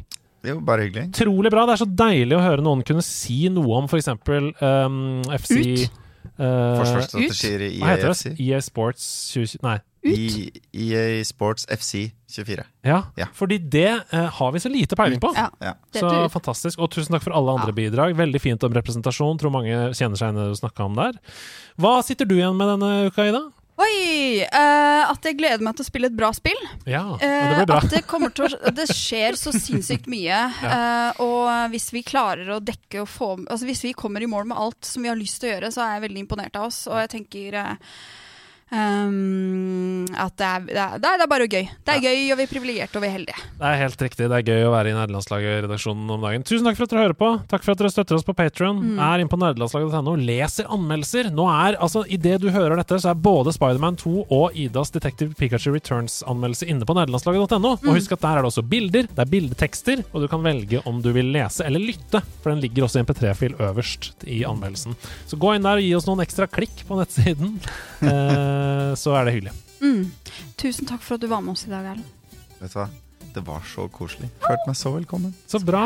Hva, hvis du skal gi et visdomsord til de som hører på Um, Rett før du mister visdomstanna oh, di. Jesus. Ja. Uh, ta visdomstanna di før den gnager bort roten på en annen tann, så du må trekke den av. Visdomstenner, roten til alt ondt. Yes!